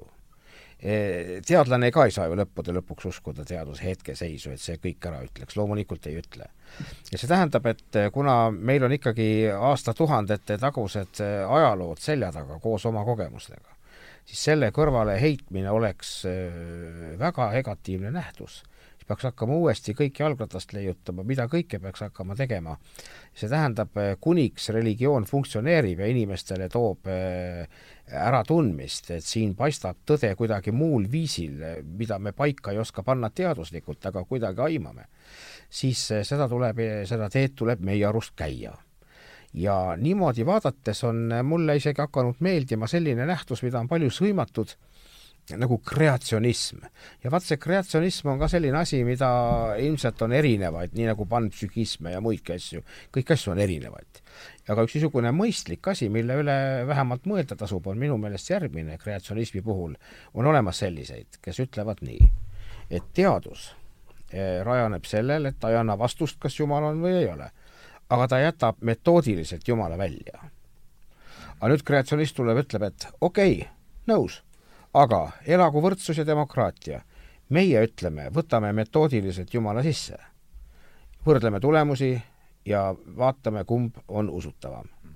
on inimesi, kelle jaoks jääb usutavamaks see pilt, et kõik see peenhäälestushüpotees ja kõik muud asjad, mis siia juurde panna, jääb see pilt praeguse seisuga igatahes usutavamaks, et me peame eeldama, et kõige taga on üks suur intellekt või kuidas me seda nimetame teda jumalaks nimetatakse või nagu Jeesus Samaaria naisele ütleb, et Jumal on vaim. ei no mulle tundub see ka suhteliselt niimoodi emotsionaalselt või endale isiklikult usutava pildina, eks, et ma kaldun ka seda, seda uskuma, aga samas ma olen, nagu Arne ütles, nõrgausuline, et ma olen natukene niisugune leebe agnostik, et ma, ma, ma kahtlen inimese teadmises, et ma ei usu, et väga inimene äh, palju teab või saab aru millestki, et noh, ma, võib-olla on võimalik rohkem teada, seda ma, selles ma ei kahtle, aga, aga üldiselt inimese teadmised on väga nõrgad või noh, ebakindlad. et neid ei maksa liiga uskuda, mida me ise, ise arvame, eks ole, et noh, me, me teame, et need asjad ei ole kindlad. ja maailm on kõik palju keerulisem, kui meile tundub, aga ma tahtsin tulla selle jutuga ühe, ühe sellise toreda teema juurde, kus ma olen ise proovinud natukene aru saada, et aga ei ole väga kaugele jõudnud, et, et kui me vaatame religioone mitte nüüd sellise usu vaatenurgast, vaid ülesannete vaatenurgast, et mis ülesanded või norme erinevad religioonid meile, meile seavad, et mis nad ütlevad, et me peaksime tegema, et see on noh, natuke nagu eetika, eetika teema, aga see ei ole ainult eetika.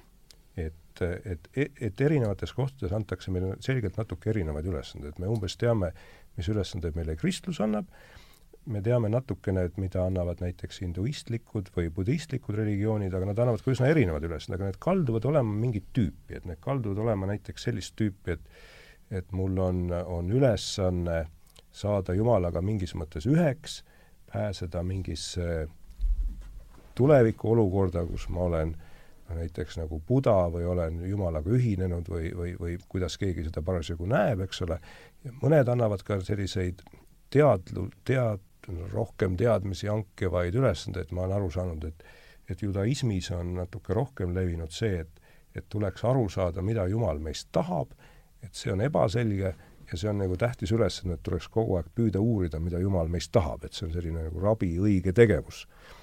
ja, ja, ja see ongi ülesanne. ja nüüd, nüüd võiks küsida, et, et kas kui me vaataksime nüüd inimese ülesannet suures pildis ja nüüd see puudutab väga selgelt neid samu tehisintellekti või, või datareligioone, siis need inimesed ju üldiselt noh, ka mina natukene kaldun arvama, et, et on ilus mõelda näiteks, et inimestel ongi ülesanne teha midagi suuremat. et see ülesanne ei olegi lihtsalt see, et sa täidad a la kümmet käsku ja siis on hästi, eks, vaid sa võiksid püüda teha midagi rohkemat. ja et meile pole seda võib-olla nagu öeldud, aga, aga see ei tähenda, et seda ülesannet võib-olla ei ole ja kuidas sina näed kogu sellist vaatenurka? no mina näen kohe piibli esimene lehekülg on ülesanne antud ja teine lehekülg on kommentaar. osa inimesi on neid, kes on esimest lehekülge lugenud, teise lehekülge kommentaari pole osanud enam või viitsinud enam lugeda. nii, mis sa mõtled? nimelt, inimene loodi Jumala ikooniks tähendab mitte näo järgi, näo järgi on vale, vale tõlge, see on tõlgitud eesti keelde nii arvatavasti sellepärast, et tuhat seitsesada kolmkümmend üheksa, kui esimene piibel ilmus, ei olnud meil võtta paremat abstraktsemat sõna või mingit sellist. õige tõlge oleks, et see sõna on eh, demut heebrea keeles, ikoon kreeka keeles, eh, Kreeka Vanas Testamendis. ja ikooni tähendus on kuju, pilt, kuju, kujutis, struktuur. Siis ütleks niimoodi, et eh, inimese vaimne, kuna Jumal on vaim ja Jumalal pole keha, siis saab inimese Jumala näosust saab seletada niimoodi, et inimese vaimne struktuur või vaimne kuju on Jumalaga analoogne. me oleme võimeline, võimelised, nii nagu see kirjeldatakse ka humanoidide areng või nende inim-, inimeste arenguid, et tohutu hüpe on tulnud inimesega, kus meie homo sapiens on teinud teistega võrreldes tohutu hüppe, selgusetu, miks see on toimunud, keegi ei tea, miks see niimoodi on olnud ja ta on tegelikult juba loodusest väljas, ta ei ole enam lihtsalt loodusega sulanduv nagu kõik varasemad olendid. ja see tuleb piibli esimeselt leheküljelt väga hästi välja, Jumal ütleb, et tehke sugu, saagu teid palju, valitsege kalade üle, loomade üle, lindude üle ja kõik nii edasi. aga nüüd ma küsin see kommentaar siis? jaa, räägi kommentaar kommenta-, asi on selles, et nüüd kohe inimene on, inimene on patune, ütleme, võtame seda piltlikult. inimene on patune, inimene teeb valitsemisest kohe ühe järelduse olge despoodid. vastupidi, piibli järgmine lehekülg kommenteerib, kuidas valitsemine käib. Aadam ja Eva pandi rohuaida hoidma, harima ja hoidma. harimine näitab seda, et ta peab seda edendama, kultiveerima, e, edasiarengut tegema ja hoidmine tähendab seda, et ta peab hoidma keskkonda. kõik on piiblis kirjas ilusti, ükskõik kuidas kommenteerida, aga välja ta nii tuleb. aga kui me sealt nüüd natuke edasi läheme või veel süveneme siis ütleme, et kui inimesed seda teevadki, et nad ongi mingil moel Jumala ikoonid, nad haldavadki seda, mis on maa peal, nad valitsevad seda, see tegelikult toimub. ja nüüd võiks küsida, et kas see ongi kõik? kas, kas see, mis me oleme praegu saavutanud, ongi kõik, ühtegi ülesannet enam rohkem ei tule? Kas ma tohin vastata? just, ma sellepärast küsingi tähendab, ma olen, meie mehed, meie poolt on hakanud ka niisugustel teemadel natuke rohkem kirjutama, isegi neid ufosid võtnud, sest üks samm tagasi, ma olin alles hiljuti, olin ühes seltskonnas enne matust ja ma küsisin, seal olid professionaalid, hauakaevajad ja matusetöötajad ja niisugused. ja küsisin, kuidagi tuli jutuks, küsisin, et kas ufod on olemas jaa, ikka, no oi, no kuidas me saame siin kosmoses ainult üksi olla siis. aga järgmine küsimus oli kohe mulle, kas Jumal on olemas? Siis pidin ma hakkama seletama ja ma saan aru, tähendab, niisuguseid küsimusi kõik me tegelikult ei saa, Carl Saganil on ka selles suhtes õigus et me peame teaduse küsimused, ebateadusküsimused, mitteteadvusküsimused, religiooni küsimused, kõik asjadest peab julgema rääkida. Tarmo Soomere on ka niisugust asja ikka esile toonud mm. -hmm. ja ei tohi hakata kohe halvustama, sest miks räägitakse tulnukatest, miks igasugustel teemadel kõneldakse, me ju ei tea. võib-olla on taevas tähti täis, kus on miljoneid planeete, kus kihab elu. teine variant, et elu on ainulaadne Pole ju ühtegi andmet selle kohta praeguse seisuga, et kusagil üldse elu oleks. Me ei tea, aga miks mitte, et on palju, miks mitte, me, see, ma ei eita üldse seda, et me võiksime minna euronormide järgi lasteaedu kosmosesse ehitada, piltlikult väljendades, vaid seda, et see ei ole nii lihtne asi. siin tuleb tuhat ja miljon küsimust lahendada, et niisugune asi funktsioneerima hakkaks. me ei jõua kuust kaugemale kuu pealt pole viiskümmend aastat pole kuu peal käidud ja juba skeptikud ütlevad, et, et et ei olegi käidud, eks ole, aga me vallutame juba kosmost, et noh, et et sõnad ja teod on veel väga lahus, et esialgs on ikkagi ainult mõte ainult. aga miks mitte, et palju on, jah.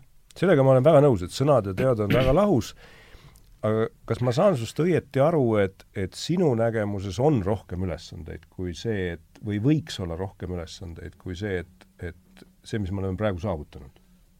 Ikka, ikka. kultuurikäsk on esimesel piibli leheküljel. esimestel lehekülgedel on kultuurikäsk. ja lõpukuulutus on äh, noh, ma ei pääse oma teemast mööda. löö või maha, kas keegi Kristuse ülestõusmist usub, aga see ei pruugi uskuda. aga see sõnum sai kristluse mootoriks, levis maailmas ja selle võtsid vastu need inimkonna osad, mis arenesid teistest ette. seleta, kuidas tahad, aga nii on see kirjeldus ja kuulutus on see, et aegade lõpul tuleb eh, selle maailma ajastu mingi periood lõpul, tuleb surnute ülestõusmine. no, no mis ma oskan selle kohta öelda, kui ma loen lehest, et, et teadlased võrdlevad bosoneid maailma lõpuga, et bosonite tasandil, mis nüüd avastati hiljuti, Higgsi bosonid avastati kuskil viis aastat tagasi, nüüd enam see ei ole teooria, vaid on fakt, et kui bosonite tasandil midagi muudad, kirjutavad eh, ajalehes eh, akadeemikud, siis toimub mingisugune valguskiirusega laine kogu universum pühitakse. no kuulge, kas me hakkame surnust ülestõusmist uskuma ja universumi uueks loomist, ma küsin, ega ma ei vasta. Et sellised on religioosne stsenaarium ja selline on nüüd teadluse stsenaarium. mina usun küll, et teadus peab neid asju uurima. ja ma isegi, ma võin eksida, aga ma tahaksin uskuda, et usk ja teadus ükskord niimoodi kokku lähevad. ega seal vastuolu ei ole et see vastuolu on ainult näilik. no mulle ka tundub jah, järjest enam niimoodi, et et ja siin, ma ei tea, kus veel see, just hiljuti loetud, et, et religioonid ja see jätab, on epistemoloogilised äh, saarekesed, et nad äh, vormivad äh, mingite sootsiumite jaoks seda tundmatu, tundmatut reaalsust nii, et et kõik sellest noh, mingil viisil ühtmoodi aru saavad. jah sest see on ja. ju absoluutselt vajalik, kui me tahame midagi koos teha, et me noh, põhiasjades omavahel kokku saame ja selles tähenduses on ju äh, tänapäeva teadus üks ju ilmselt kõige suurem epistemoloogiline ülemaailmne saareke, sest noh, mingites, mingites ähm, mingid inimesed saavad ikkagi asjadest aru, aru, aru ühtmoodi, aga see on ikkagi ainult, üks võimalus asjadest arusaamiseks, et ja. saari on äh, kõikvõimalik ja ma ei tea, kuidas selle see on ju see üks tore lugu on ju see, et see sada viiskümmend inimest, nagu on kirjutatud, et et inimkond ikkagi aastatuhandeid harjus elama saja viiekümne inimest sellistes gruppides. see kõlab ka et kui me vaatame lõkkeseltskondi, on ma kuskilt jälle loen, et, et lõkke, lõkkepidu kuskil on ja mingi laager, siis umbes niisugune sama palju on inimesi koos, sada viiskümmend inimest, rohkem läheks juba liiga paljuks ja vähem võib teinekord muidugi olla. ja kus lähevad inimgrupid suuremaks kui sada viiskümmend, et sada viiskümmend on umbes ka iga inimene keskmine inimene tunnebki isiklikult umbes sada viitkümmend inimest ka. ja kus lähevad grupid suuremaks, seal on vaja religiooni. Seda toob ise täiesti ateistliku kallakuga Harari, keda ma nimetasin, ütleb, et seal on religioon olnud vältimatu ja ise ta pakub ka välja niisuguse uute eluviiside loomist üldse. ehk siis selles kontekstis ma kujutan ette mingit abstraktsemat mudelit, seda, mida sa ei ja, saa sinna saja viiekümnega kohe niimoodi näost näkku ära klaarida ja, või? jah jah, et sul on raske, eks ole, siduda endaga gruppe või inimesi, kes, keda sa ei tunne ja siis teil võivad olema mingid ühised, ma arvan, see on see nägemus, eks ole, et teil võivad olema ühised väärtused või ühised uskumused, mis siis seda gruppi seovad, et, et sa ei, ei suhtu väga kartlikult või skeptiliselt kõikidesse inimestesse, keda sa ei tunne, mis oleks niisugune nagu primitiivinimese loomulik seisund mm. -hmm. aga, aga ma tuleksin selle, selle ülesande asja juurde tagasi, et ma ei taha seda kuidagi sellest lahti lasta, et no, et kui mõelda, mõelda nende võimalike eh, tehisintellekti religioonide peale, mida on natuke, noh, neid ei nimetata religioonideks enamasti, kui üksikud erandid on, siis, siis seal tekib kergesti selline tunne, noh, kui sa sellesse asja sisse elad, et et kui on niimoodi, et selline tehisintellekti arendamine eh, kui me jõuame sellega uuele evolutsioonilisele tasemele, et see siis muudab drastiliselt kogu ümbritseva ära, siis võib tekkida ju mõte, et see ongi võib-olla üks kõige tähtsamaid asju teha. Et ma ei ütle, et mina tingimata nii arvan, aga, aga see ei ole selline võõras mõte. Mm.. et võib-olla peakski sellega tegelema, et muud asjad on sellised vähem tähtsad ja kui sa niimoodi hakkad mõtlema, siis sa võiksid mõelda, et et, et miks ei võiks meil olla sellised eh, tekkida vahel uusi religioone, mis baseeruksid sellisel praegusel ühiskonnal, et need meie praegused religioonid on suhteliselt vanad, et et, et protestantism, noh, mis ei ole küll eraldi religioon, eks ole, ta on suhteliselt uuem, islam on ka natukene uuem kui Vana Testament, aga ikkagi, et, et, et kas on nagu ruumi selliste religioonide tekkimiseks, mis seavad mingisuguse uue ülesande või uue tugevalt siduva müüdi mm, -hmm. mis näiteks, kui me mõtleksime evolutsiooniliselt, siis on selge ju, et, et ühiskond, mis ütleme, tehnoloogiliselt või enda organisatsiooni mõttes kiiremini areneb, et see võidab teised ära et teised lihtsalt sulandatakse sinna sisse, et nad süüakse justkui ära nagu suure looma poolt.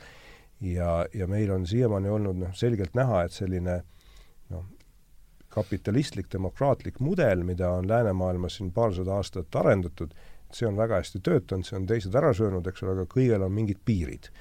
ja, ja, ja võiks ju mõelda ka niimoodi, et, et mingisugune uus mütoloogiline eesmärk või uus mütoloogiline uskumine võiks aidata mõnda tsivilisatsiooni või ühiskonda kiiremini edasi, miks mitte näiteks selline selline tehisintellekti usk, et tuleb sellesse tohutult panustada, eks ole, et me võiksime ette kujutada mm. näiteks, et kui Hiina riik, mis on suhteliselt tsentraliseeritud mis panustab sellistesse asjadesse, et kui nad sellesse palju rohkem panustavad, siis võib-olla nad jõuavadki läänemaailmast ette, võib-olla näiteks hüpoteetiliselt sellise usu kaudu, mida nad suudaksid inimestesse süstida. mis sa sellisest perspektiivist arvad, kas see on realistlik või kas sa suhtud sellesse negatiivselt või positiivselt? ei, ikka ei, negatiivselt ma ei suhtu midagi, positiivselt, kas realistlik, ma ei tea. aga ma ütleks niimoodi, et, et jah, see on väga just nagu sa hästi ütlesid, et viimastel sajanditel kapitalism ja ja noh, veel, eks ole, demokraatia ja need kõik on levinud ja inimõigused ja vabadused ja uut religiooni võib lüüa, palun meil on religioonide vaba turg, kes tunneb ennast võimekana luua uut religiooni, olge lahked. Ega Buda, Muhamedi ja Kristusega ei ole lihtne konkureerida, aga proovida võib, keegi ei keela. näiteks see Bahai usk on ju lihtsalt, ütleme, tema nüüd küll pannakse puhtalt religioonide valda, aga Bahai usk on ju ka uus usund, tekkis üheksateistkümnendal sajandil ja me, Sai Baba oli näiteks üks või Osho ja need igasugused niisugust esoteerilist tüüpi usundid on olemas. kui kellelgi on ideid ja ta midagi teeb sellist, millega ta läbi lööb, kõik pidid läbi lööma. Buda lõi läbi religioonide turul, Muhamed lõi läbi küll jõuga, tema oli selles kõige kahtlasem. Jeesus lõi just selle tõttu, et ta poliitilisi vahendeid kasutas kohe. Jeesus lõi läbi ka peeti ebatõenäoliseks seda juttu, mis ta räägib, aga osutus nii võimsaks, et lõi siiamaani läbi, nii et et põhimõtteliselt eh, põhiline on ikkagi see, see, su jutt on väga, seda arutavad paljud. ja siin nagu ütleme, põhiline, mis on öelda, on see, et kui sa hakkad tegema, siis see pole enam nii lihtne, aga see ei ole keelatud selles mõttes, et kui sa inimene oskad midagi teha, eh, siis tee ma üt-, ükskord ütlesin, Jüri Jaarma veel elas ja käis eh, intervjueerimas, siis ma ütlesin talle, et ole lahke, küsis sama küsimuse, ütles, et ole lahke, kõnni mööda vett ja tee haigeid terveks ja tõuse surnust üles ja et eh, tee religioon, kui tahad. et või leiuta mõni muu asi, mis asja, mismoodi sa teed. aga sa pead leidma veendunud kuulajad, pooldajaskonna ja idee, mis hakkab ennast lahti mängima ja vaat seda ei oska öelda, kas seda on tehtud, kas seda no ja aga neid, ega siis neid imetegusid on ju siin tehtud nii, et vähe ei ole, no mida, mida mida me siis sellesama asja kohta ütleme, kui ikka niisugune korralik imetegu ja eks selle, nende imede peal ju see ka praegune natuke reaalne toimiv religioon, ma mõtlen seda siis ikkagi sellist läänelikku teadust, mis on, mis on ikkagi re reaalne ülemaailmne äh, ülemaailmne toimiv religioon praegu, kus ju kõik äh, koorekiht igal maal, siis äh, noh, tahaks öelda indoktrineeritakse, aga see lihtsalt, see on see, mis tuleb kaasa haridusega ja, ja sellel religioonil, kui epistemoloogilisel saarekesel, sellele, mis vormib tegelikkust ja, ja loob, võimaldab meile luua sellest tegelikkusest möödapääsmatult vajaliku ühtse pildi, et sellel on ju oma äh, noh, imesid on ju siin, no mis see siis muud ei ole kui üks ja, ja alati pole imet vaja, et kui sa võtad reformatsiooni, mis ei loonud küll uut religiooni, aga mingis mõttes tekitas väga teistsuguse organisatsiooni või uskumuste struktuuri, eks ole, siis seal Luter ei teinud ühtegi imet minu meelest, et vähemalt ma ei tea, võib-olla ta tegi, aga see ei ole vähemalt see põhjus, mikspärast, mikspärast reformatsioon läbi läks mööda vett ta ei, ei silganud vist eriti. nojah, vaat kui ime, imet võtta niimoodi kitsalt, et niimoodi imete, aga ime tähendab seda, et midagi sellist, mis, mida me ei oska seletada, aga mis tegelikult toimub, mitte lihtsalt kujutluses. aga tähendab, võib kujutleda küll religiooni, kus ei ole ime väga konstitueerival kohal, näiteks hinduism ja budism ja isegi islam samuti. aga küsimus on siis, peab olema mingi idee või mingi element peab olema mingi element, mis on see, mis mõjub ja on asja tuum. ja teine asi, kui nüüd religioonist rääkida, siis üks külg ka, millele alati ei mõelda, on, peab mingi praktika olema. et noh, et kui me mm. piltlikult öeldes, ma ei taha eh, solvata mõningaid loodususundilisi tänapäeva maailmas, et kui me käime paar korda aastas metsas lõket tegemas ja ütleme seal midagi, et me mingit usku oleme, et see on rohkem ikkagi noh, see ei ole veel mingi religioon, kui ma paar korda aastas midagi teen. vaid religioon ikka eeldab seda, et ma ikkagi elan selle järgi mingil moel. et selles mõttes, kui, kuidas teha mitte et imet, aga kui teha mingi selline, nagu sa nimetasid, siis peab olema keegi karismaatiline kuju, kes sellega hakkama saab. ja kui ma õieti aru sain, siis noh, näiteks üks asi, millega need reformaatorid hakkama said, et nad panid inimesed piiblit lugema, eks et see on, ma arvan, üks selline oluline asi, mis toimus. mis avas ju rahvahariduse ja. kogu selle, need, need väravad lõpuks, sest kõik pidid emakeeles saama oskama piiblit lugeda, see, noh, see on selgelt fundamentaalse vundament-, koos Gutenbergiga, eks, eks ju. just, just, just.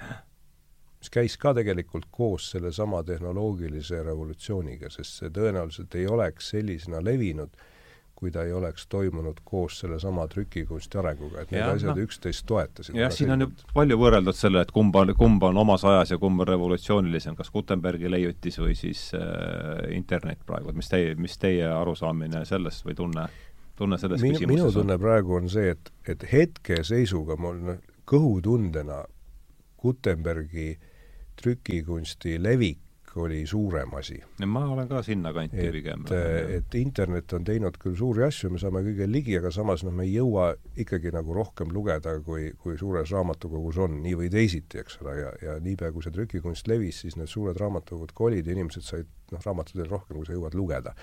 aga samas ma arvan, et, et selline suurem või pikaajalisem perspektiiv on tal suurem, et ma oletan, et et aeg läheb edasi, siis need muutused, mis internet kaasa toob, on võib-olla suuremad kui mingis mõttes trükikunst kaasa tõi, aga ma arvan, et me ei ole veel seal, et me oleme veel kuskil noh, nagu tegelikult selle tegevuse algusjärgus. kui nüüd mõelda, siis internet on üsna noor asi, et et veebinduse levik on ainult umbes kakskümmend viis aastat vana, no internet on vanem, aga see ei jõudnud inimeste teadvusse enne kui umbes kakskümmend viis aastat tagasi.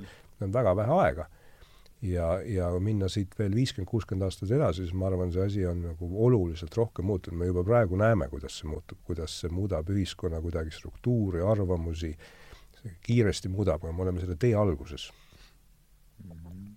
Arne, mis, kuidas sul tunne Gutenberg versus internet? Mm, jah, see võib olla küll, et eh, Gutenberg mõjus fundamentaalsemalt, ta tekitas olukorra, mida enne üldse ei olnud, aga internet eh, tegi küll sama, aga ta nagu ikkagi rohkem võimendas seda olukorda, mis juba enne oli. ja, ja tegi paindlikumaks. jah, jah, jah, sama. et, et see, kuidas ma nagu ette kujutan, et, et interneti efekt läheb suuremaks, on eeskätt just koos tarkvaraga, mis hakkab asju automatiseerima. sest kui mõelda, need suured internetiefektid tulevad praegu sotsiaalmeediast ja Google'ist ja võib-olla natuke Vikipeediast ja, ja seal taga on päris suured ja keerulised tarkvarad, mis asju kokku seovad, et ta mm -hmm. ei ole mhm. lihtsalt see, et sa loed, need tarkvarad on tegelikult suhteliselt uued, et neid ei ole väga kaua olnud, eks. nende mõju on suur ja ma arvan, et, et see läheb täpselt sedapidi, et et interneti kaudu tarkvarad äh, suudavad rohkem asju mõjutada, et see, see lähebki nagu otsapidi natuke sellesse tehisintellekti hirmu, et et võib-olla sul ei ole üldse vaja mingit sellist noh, filmist nähtud robotit selleks, et needsamad tarkvarad juba drastiliselt ühiskonda muudaks. ja, ja see mm-hmm. tegevus praegu toimub väga selgelt tsentraliseerimise suunas, mis on nagu minu meelest selline suur ohumärk, et et suured äh, korporatsioonid võtavad lihtsalt majandusharusid üle, et Amazon võtab üle kaubandust, Google võtab üle info hankimist või ütleb inimestele, mis siis nagu õige on, eks ole, see, mis sa sealt leiad, tema rehkendab sulle selle, see ei ole kuidagi mingi objektiivne reaalsus. see on tema rehkendatud soovitus sulle. ja samamoodi Facebook, eks, kes tahab lihtsalt näiteks seda, et inimesed võimalikult rohkem Facebooki loeksid ja selle tõttu tuleb inimesi mõjutada, et nad oleksid rohkem närvis ja rohkem polariseeritud, siis nad loevad seda rohkem. Need asjad toimuvad ja selle kaudu võetakse suuri valdkondi üle ja ma arvan, see on selline väga terav ohumärk, et et ta polariseerib ja samamoodi ta jaotab üha rohkem ümber seda ühiskondlikku vara, et sul tekivad väga veel suuremad lõhestused nende vahel, kellel on ja kellel ei ole. ja, ja ma ei näe praegu, et see tsentraliseerimine peatuks ja see tsentraliseerimine iseenesest ei vaja üldse mingit tehisintellekti, ta töötab praegu täiesti edukalt sellise nagu tavalise keerulise tarkvara peal, kus tehisintellekti osad on küll sees, aga nad optimeerivad mingit protsessi, et näiteks kui sa Boltiga sõidad, siis seal on ka mingid tehisintellekti asjad, mis optimeerivad seda, et noh, kui täpselt ta ennustab, et kui kaua see auto sõidab või, või mis järjekorras auto tuleb saata, see ei ole päris fundamentaalne osa, ta töötaks ka ilma selleta mm. -hmm.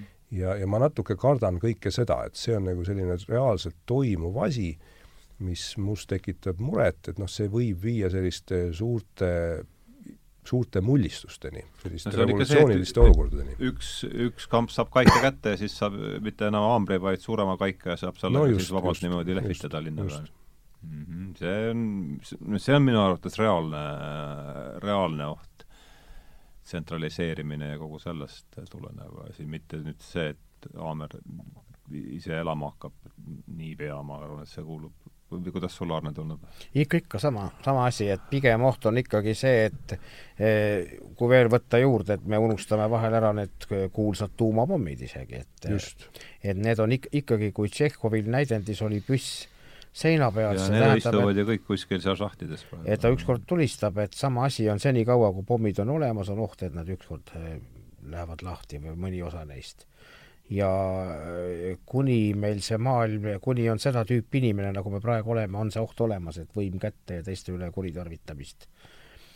Ehm, kui on arusaam, et äh, see toob negatiivsed tagajärjed endale kaasa teises ilmas, kui teadvus aju maha jätab, aga siin selles suhtes ei ole ka üht, arusaamad ühtsed ja võivad olla niimoodi, et et see võib takistada, aga ei pruugi alati takistada. Ma olen päris nõus, et see tuumapommi oht siin praegu selles diskussioonis ei ole kuskilt välja tulnud, eks, aga ta on nii klassikaline, kõik on harjunud selle ohuga, me enam väga justkui ei kardagi, aga, aga samas, kui, kui äh, vaadata nüüd seda sõjanduse ja, ja tarkvara koostööd, siis äh, noh, täiesti selgelt sõjandus on alati esirinnas olnud igasuguse tarkvara arendamise juures, et nad on seda kõike finantseerinud ja toetanud ja see on oluline ja sõjandus tahabki, et et saaks võimalikult automatiseerida kõiki masinaid, loomulikult ideaalsed sõjamasinad on mingisugused robotid, nad ei pea jalgadel käima, eks ole, aga nad on noh, nii autonoomsed kui saab, et siis saab nad lihtsalt rohkem ja efektiivsemalt teha. ja, ja, ja kui see protsess läheb sujuvalt edasi, ta ühemõtteliselt läheb, siin ei ole mingit kahtlust, siis, siis on kogu aeg süveneb hirm, et et need autonoomsed asjad teevad mingeid vigu, nad võivad omavahel hakata kogemata tulistama, eks ole, võivad toimuda sellised ootamatud eskalatsioonid, mida inimesed nii kergesti ei teeks. et süsteemid töötavad lihtsalt kiiresti, autonoomselt ja teevad mingi rumala asja ja tulistavad kedagi, eks ole, ja hakkavad toimuma eskalatsioonid. ja me ei suuda neid eskalatsioone võib-olla enam peatada. et selles mõttes selline selline sõjaoht mingis mõttes süveneb läbi selle, kui need sõjaasjandused muutuvad rohkem autonoomseks kuna ma olen sellega päris palju kokku puutunud, siis ma õnneks tean, et need sõjaasjade automatiseerimine ei käi väga kiiresti. et seal on palju selliseid tehnilisi organisatoorseid takistusi, see toimub suhteliselt aeglaselt ja konservatiivselt, aga ta kogu aeg paratamatult toimub. ja, ja noh, näiteks on täiesti reaalsed case'id, et et eh, Google'i töötajad on olnud väga mures, sellepärast kui lihtsalt Google teeb Ühendriikide sõjaväele projekte just täpselt selle mõttega pärast, et et see suurendab potentsiaalseid eskalatsiooniohte, kui me hakkame asju automatiseerima, et see on justkui, justkui kurjasti ohtlik asi, aga samas keegi ei näe ka, kuidas seda takistada, sellepärast et noh, kui üks sõjavägi ei tee, siis teeb teine. ja, ja sõtta noh, see rauakola võib meid sõtta tõlk-, tõugata, aga sinna me lõpuks läheme ikkagi oma ise, mitte et no hirm on see, et me ei, ei kontrolli enam olukorda ja.. jah, jah, täpselt nii. see, see hirm ongi aga jaa, nüüd me läksime siis, hakkasime pihta singulaarsusest, siis takerd-, noh, üllatus-üllatus, jõudsime teadusesse, selle, oleme selle palava pudru ümber siin nüüd tiirelnud oot-oot üle tunni, poolteist tundi ja ja saade hakkab jõudma oma viimasesse veerandisse vast. kui me mitte, mitte veel kaugemale ei jõudnud, et ikkagi see see singulaarsuse mõte, et noh, minul, kui ma seda Kurzweili asja lugesin, mul hakkas sealt kohe niisuguse kristliku eskatoloogia kõrvad hakkasid mulle sealt tagant paistma, et, et noh, kusagil on ikkagi see no kas, kas või seesama, mis sa siin rääkisid, kas meil on mingid ülesanded, et see, see esatoloogiline skeem, mis meil sealt juudi kristlikust traditsioonist tuleb, ütleb ju seda, et ikkagi noh, ajalool on ajalool on suund ja see seltskond äh, paistab selle lõppu, Kurzweil ja kogu see, Tanel teab kindlasti rohkem neid nimetada, aga et see see paistab panevat selle ver-, viimase verstaposti sinna singulaarsusesse, et ma just mõtlesin, et mis Aarne, mis Aarne sellest, kas sa näed seal mingeid kokkupuute kohti, et kas elu... ta ei ole mitte niisugune viimse, kas see singulaarsus ei ole mitte mingi niisugune noh, viimse päeva niisugune moodne versioon, kui, kui sellele püüda sellise pilguga vaadata, ma ei tea, küll ta tore oleks, tore oleks, seda on minu ala teoloogia kogu aeg teinud, otsinud uusi mõisteid ja läbi sajandite mm. -hmm. et äh, peabki sõnastama uuesti ja vastavalt sellele, mida tundma õpitakse, tegema seda jälle edasi äh,. ütleme niimoodi, et, et inimkonnal vanal ajal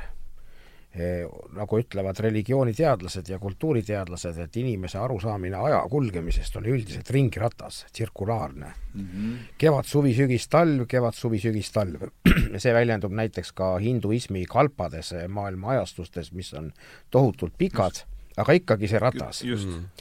ja nüüd järsku tuleb, ei tea kuskilt, tuleb lineaarne joon Eh, see on, eh, tuleb Vanas Testamendis välja võimsalt kirjanduslikul, eh, kirjandusliku tekstina Vanas Testamendis, juutide kaudu mõjutab kristlust, kristluse kaudu kandub üle maailma, sekulariseeritakse, muutub läänemaailma progressi ideeks ja nüüd, kui me võtame seda, olen nüüd viimane, viimase nädala jooksul on sellised mõtted pähe tulnud, ma olen, tegelen ka oma erialal niisuguste mõt-, mõtisklustega, et kui me võtame Hegeli skeemi, et ringiratast on tees, lineaarne on antitees või mitte niivõrd vastandumise mõttes, vaid uue tasandi mõttes, siis mõlemad kokku süntees peaks olema kuidagi ajajoone tõstmine mingisugusele praegu kujuteldavale viisile ja mulle meenub kogu aeg ikkagi sellisel puhul Uku Masing, kelle kohta ma oma doktoritöö tegin aastal kaks tuhat Masing on öelnud, et ta on rääkinud ruumi, ruumilistest neljandast ja viiendast dimensioonist ja mis sellest, mismoodi me ekstaasis, religioosses ekstaasis tema arvates hakkame tajuma maailma dimensionaalsemalt kui kolm dimensiooni ja siis ta kusagil poetab ka lause, et meie aja mõiste on kindlasti vale. Ja mulle endal on tulnud mingisugune selline väide kuskilt tähelepanekust, et kloostrid on nagu eh, saarekesed, nii on neid ikka nimetatud, et aga kloostris on inimesed selleks, et, et igavik ei oleks enam igav. et äh, õppida seda sünteetilist ajamõistet tajuma, mida võiks, mida on igavikuks nimetatud, sest meie kujutluses on igavik teatud määral mõttetu ta on niimoodi, et eh, kui me võtame lineaarselt, et lineaarne aeg on praegu teadaolevalt kolmteist koma kaheksa miljardit aastat alates suurest paugust nii, kaua ta nüüd edasi läheb, kas veel sada nelikümmend üheksa miljardit aastat, võib-olla kolm tuhat kakssada nelikümmend miljardit aastat, me, et kui me niimoodi võtame, siis me võime ajajoone tõmmata lõpmatuseni, lõppu ei tulegi välja. et miski on siin vist abstraktne ja me lihtsalt ei oska tajuda asjade tegelikku seisu. võib-olla mingil hetkel, kui mingisugune uus tasand antakse, on see, mismoodi ring ja, ring ja lineaarne joon kokku lähevad ja mis siis on, seda ei oska kujutleda. vaat see on kristluse üks tugevamaid kohti minu arvates, on see, et et algus ja lõpp lähevad igavikku kirjeldamatusse ja seda ei hakkagi keegi paika panema rohkem kui kujundite ja sümbolitega, sest keegi ei saa rääkida ajast väljaspool aega ja samal ajal me ei saa rääkida, et olematus on olemas, sest kui olematus oleks olemas, siis ta ei oleks olematus, vaid olemine. nii et me mingit olemist enne universumi olemist ikkagi peame eeldama, aga kuidas need asjad nagu äh, kõik kokku lähevad, äh, meie jätame rahule. jumal seda teab, aga mm, leida õige suund, õige tee. ja eks see, et me mõtleksime nendele asjadele ja sellega tegeleksime, on ikka õige tee noh, õige tee tuleb leida igal üksikul indiviidil. jah, seda, seda ka veel, eks. aga mis selle, kui nüüd konkreetselt mõelda seda surematuse saavutamist siin jah, sest Kurzweili hingestab ju ikkagi väga selgelt kogu see surematuse ja, see ja, on seal no, väga olulisel kohal. no kas ta siis, kas ta siis neljakümne, neljakümne üheksa miljardi aasta pärast on endiselt surematu? minu küsimus oleks mulle väga meeldis see kirjeldus, mis sa, mis sa tõid, eriti see, kuidas äh, judaismi joon hakkab minema ja arendab seda asja edasi. ja aga nüüd Kurzweili juurde tulles, siis selgelt selle, selle singulaarsuse religiooni nii-öelda üks komponent on just see mõte, et me võiksime ka oma elu lõpmatult pikendada, eks, ja, ja ma mhm. kujutan ette, et seal on nagu kaks teed, kuidas inimesed seda näevad, et mis on Kurzweil ka suurepäraselt esindab seda ise, et üks on selline biohäkkimine, et sa sööd erinevaid asju sisse, mis siis mõjutavad ja võimaldavad sul pikemalt elada, mis noh, ilmselt mingil määral ka toimub, et noh, me kõik elame siin praegu pikemini kui sada aastat tagasi tänu meditsiinile. ja, ja teine asi, et me saaks kuidagi oma, oma, oma aju või teadvust mingisugusesse masinasse üle kanda. nüüd ma, ma ise arvan, et see, see oletus, et mingil lähiajal keegi suudab inimese, inimese mõistuse mingisse masinasse üle kanda, et see on täiesti lootusetu, sest no me ei, me ei saa kõigepealt üldse aru, kuidas see töötab, ei ole ka näha, et see lähiajal see arusaam no, tekiks. kummatigi see tema idee, eks ole. ja, ja teiseks, et, et, et inimese aju, kui see on puhtalt aju näiteks, võtame puhtalt aju, et selle simuleerimine oleks arvutuslikult niivõrd raske, sest see ei ole lihtsalt, et sünapsid seal midagi liidavad ja korrutavad, või nad molekulaarsel tasemel ju kogu aeg midagi opereerivad ja nende molekulide eeldusel, et see teadvus on kõik, eks ole, siin. no oletame, et isegi, oletame isegi, et teadvust ei ole mm. -hmm. oletame, et me jätame teadvuse välja, et me mõtleme, et Tenneti illusioon. Tenneti illusioon või mingid äh, filosoofilised zombid, et et ka siis see harilik ajuteadvus on ülikeeruline asi, mis mis äh, nagu ka mikrotasemel, et mida sünapsid teevad, nad teevad väga keerulisi asju, et see ei ole lihtsalt niimoodi, et sa saad seda mingi ühe paari if lausega seal programmis simuleerida, sa peaksid simuleerima seda molekulaartasemel. ja selle simuleerimiseks ei ole realistlikult jõudu üldse nagu nähtavalt. ja aga noh, selline lootus nagu on ja nüüd ma olen kuulnud ka selliseid päris huvitavaid spekulatsioone, mis oleks nagu vahepealsed. et, et umbes selline mõte, et kui ma kogu aeg salvestaksin oma kõnet ja kõike, mis ma näen ja oma reaktsioone, no mis on tehniliselt tehtav, sa paned endale kaamera ja mikrofoni ja mõned inimesed seda ka teevad, siis kui meil oleks nüüd hästi kõva masinõppesüsteem, mida meil praegu ei ole, aga no võib-olla tuleb mm, -hmm. siis võib-olla see masinõppesüsteem suudaks väga edukalt ennustada seda, et mida ma mingis olukorras ütlen või teen või käitun, no mitte perfektselt, aga suhteliselt hästi niimoodi, et, et minu meelest selline nägemus, et kui inimene kõik oma tegevuse salvestab kogu aeg ja sa siis masinõppega ehitad üles sellise simuleeritud inimese, mis käitub temale sarnaselt mingil moel, et see on realistlik, ta tõenäoliselt ei käituks noh, nagu päris inimesest, seda on väga keeruline teha. aga nagu lihtsamal moel, et ta oskab selliseid lihtsamaid asju öelda, räägib sarnase häälega, reageerib natuke sarnaselt, selline nagu lihtsustatud inimese avatar, et, et seda praegu kindlasti ei suudeta teha, aga ma näen seda sellise realistliku võimalusena, see kindlasti ei oleks see, et inimene nüüd kantakse üle mingisse arvutisse, eks ole, aga sellise simuleeritud avatari, millega sa saaksid natukene suhelda, et selle tegemine, ma arvan, on perspektiivis võimalik. ma arvan, et see ei ole see, mis Kurzweil mõtleb, eks on omaette küsimus, et kui keegi suudakski su aju ära simuleerida, kas sa oled ikka sina, noh, mul on tunne endale emotsionaalselt, et ei ole mina, et see oleks mingi teine kloon, eks ole. et noh, mind väga ei huvita, mis tema teeb, aga samas selline noh, selline mõte on ka olemas. see haakub mul sellega, et Peterson kasutas selliseid väljendi või kasu-, ju ta kasutab siiamaani see low resolution picture thumbnail, et kui sina, andes ta mulle, kui ma seda sõnu nüüd valesti panen, et et inimene, nii, nagu sina seda tegid, see oli nagu jumala thumbnail või niisugune low mm. resolution noh, ütleme siis extremely low resolution picture yeah. äh, või niisuguse madala eraldus madala eraldus madala eraldusvõimega. madala eraldusvõimega, et see oleks siis see, millest sina räägid, oleks veel omakorda selle inimese niisugune väga madala eraldusvõimega niisugune mis see thumbnail on meil eesti keeles praegu? kuidas see on tõlgitud meil? no mingi niisugune liht-, lihtsustatud kujutis, mudel siis sisuliselt põhimõtteliselt. jah, jah, mudeliga, jah. aga mul, Arne, tahad sa haakuda, ma otsin, Taneli mõte pani see kommentaar ikka viskas mu ühte teise kohta, et tahad sa ei, mul on ma leian üles selle. ei, mul praegu ütleme midagi väga palju lisada, need ohud on sellised ja need võimalused on sellised ja ja minu seisukohalt ja muidugi jah, see küsimus, et kui palju see eneseteadvus on ja mitte lihtsalt teadvuse edasikandumine, natuke lähevad teistmoodi need asjad, aga aga mõnes mõttes ikka samas suunas no see, üks väga, ma ei tea, palju te olete selle autoriga kokku puutunud, kui Tanel nüüd rääkis sellest, et noh, et, et kui ma nüüd ennast, eks äh,, oli ju jutt see, et kui ma ennast kogu aeg filmin ja mm, -hmm. ja yeah. võtan oma jutu, siis selle filmi, siis selle pildi ja jutu pealt saab hakata minu kohta üht-teist midagi ütlema, sest noh, ehk siis teiste sõnadega sind saab hakata simuleerima äh, mingisugusel madal, madal eraldusvõimega tasemel. just, et ma olen tõlgi-, ma selle, selle pildi ja selle heliga olen ma tõlgitud suureks andme mm, -hmm. andmemassiiviks ja sellega saab juba töötada ja siin on Christopher Caldwell on üks minu lemmik, mul on üks äh, autor, keda ma olen pikalt jälginud ja temal on siis, äh, ta on kirjutanud äh, Claremont Oregon temal see retsensiooni raamatule Big Data A revolution that will transform how, transform how we live, work and think by Viktor Meyer Schönberg, ma ei tea, kas sulle ütleb niisugune nimi? ei, see ütleb okay.. eks neid tuleb ka, aga siin, et äh, tema ütleb, et äh,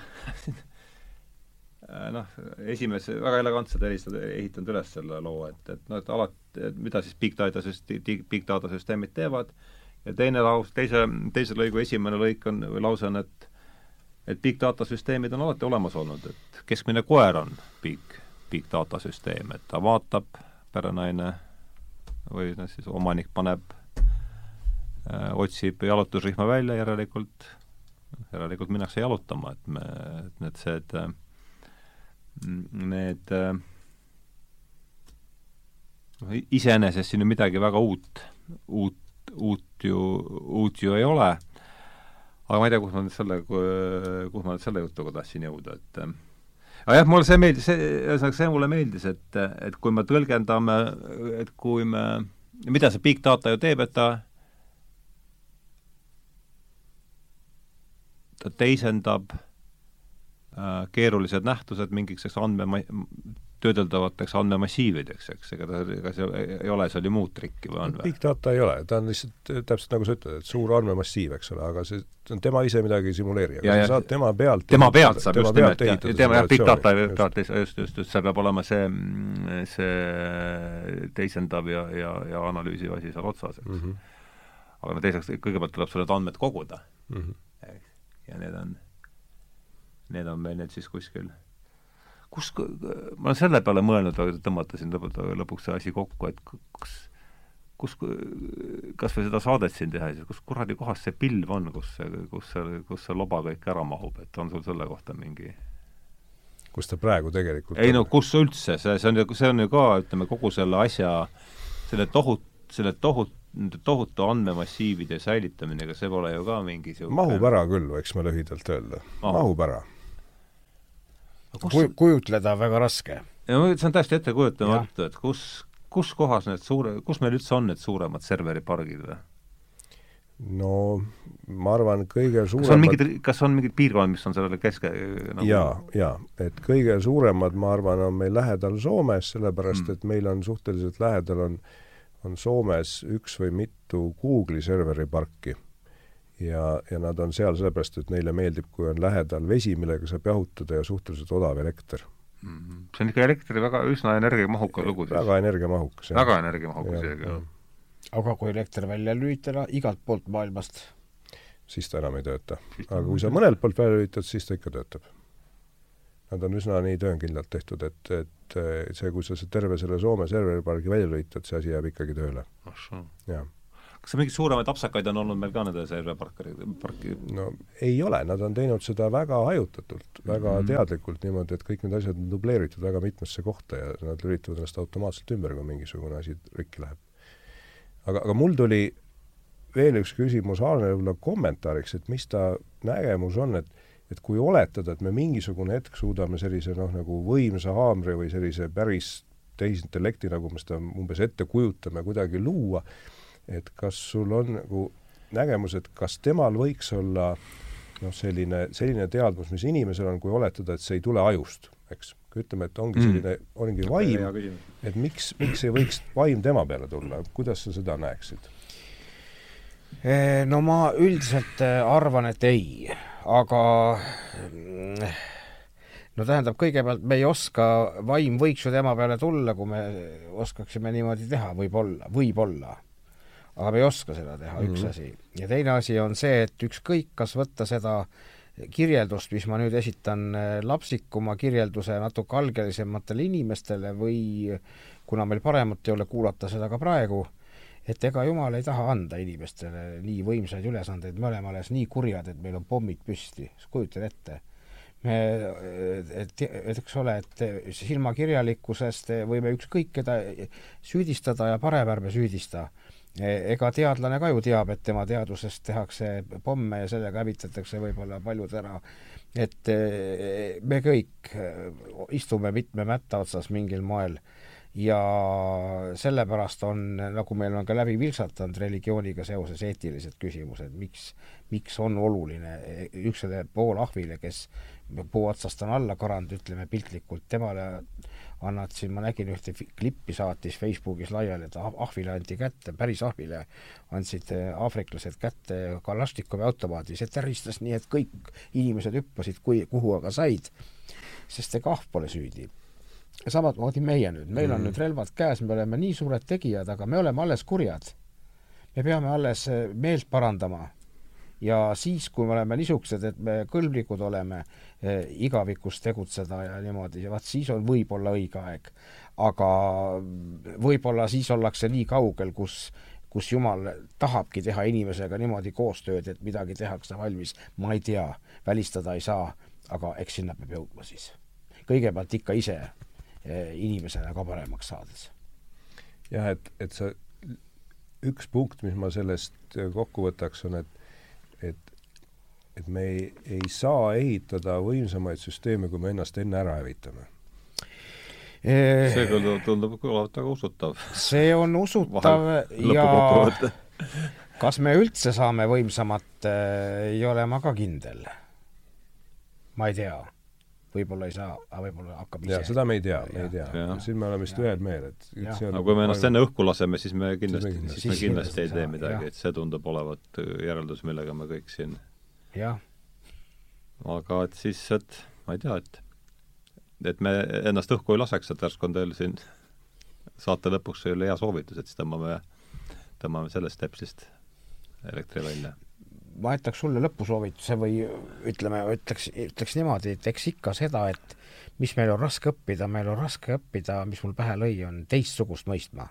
Hmm. et tihtipeale praegu räägitakse siin vasakliberaalidest ja parempopulistidest ja igasugused terminid lendavad õhus, aga tuleb mõelda, et teised inimesed ongi teistsugused ja päriselt ja nad tohivad seda olla Mm -hmm. et eh, kui me niisuguseid asju ära ei õpi, siis eh, kui me, meie arvates kindlasti, ma tunnen inimesi, kes usuvad lamedat maad, aga mis siis mm? -hmm. miks ma pean selle peale pahandama?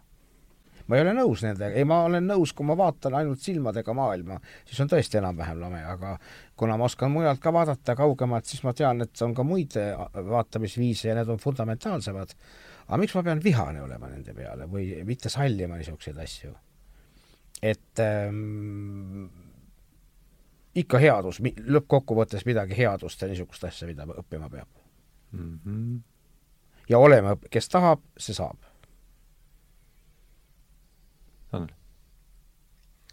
no ma arvan, et see on väga sobiv lõpetus mm. -hmm nojah, ja siis võib-olla päris lõpuks siis tsiteeriks Kurt Vonnegutti, et äh, väidetavasti on Vonnegutile omistatav lause, et meie ellu, inimese ellujäämislootus seisneb äh, see oli tehnoloogia ja huumorimeele arengus, et kõlab, kõlab päris usutavana, et aitäh teile tulemast, Arne Hiiop ja Tanel Tammet.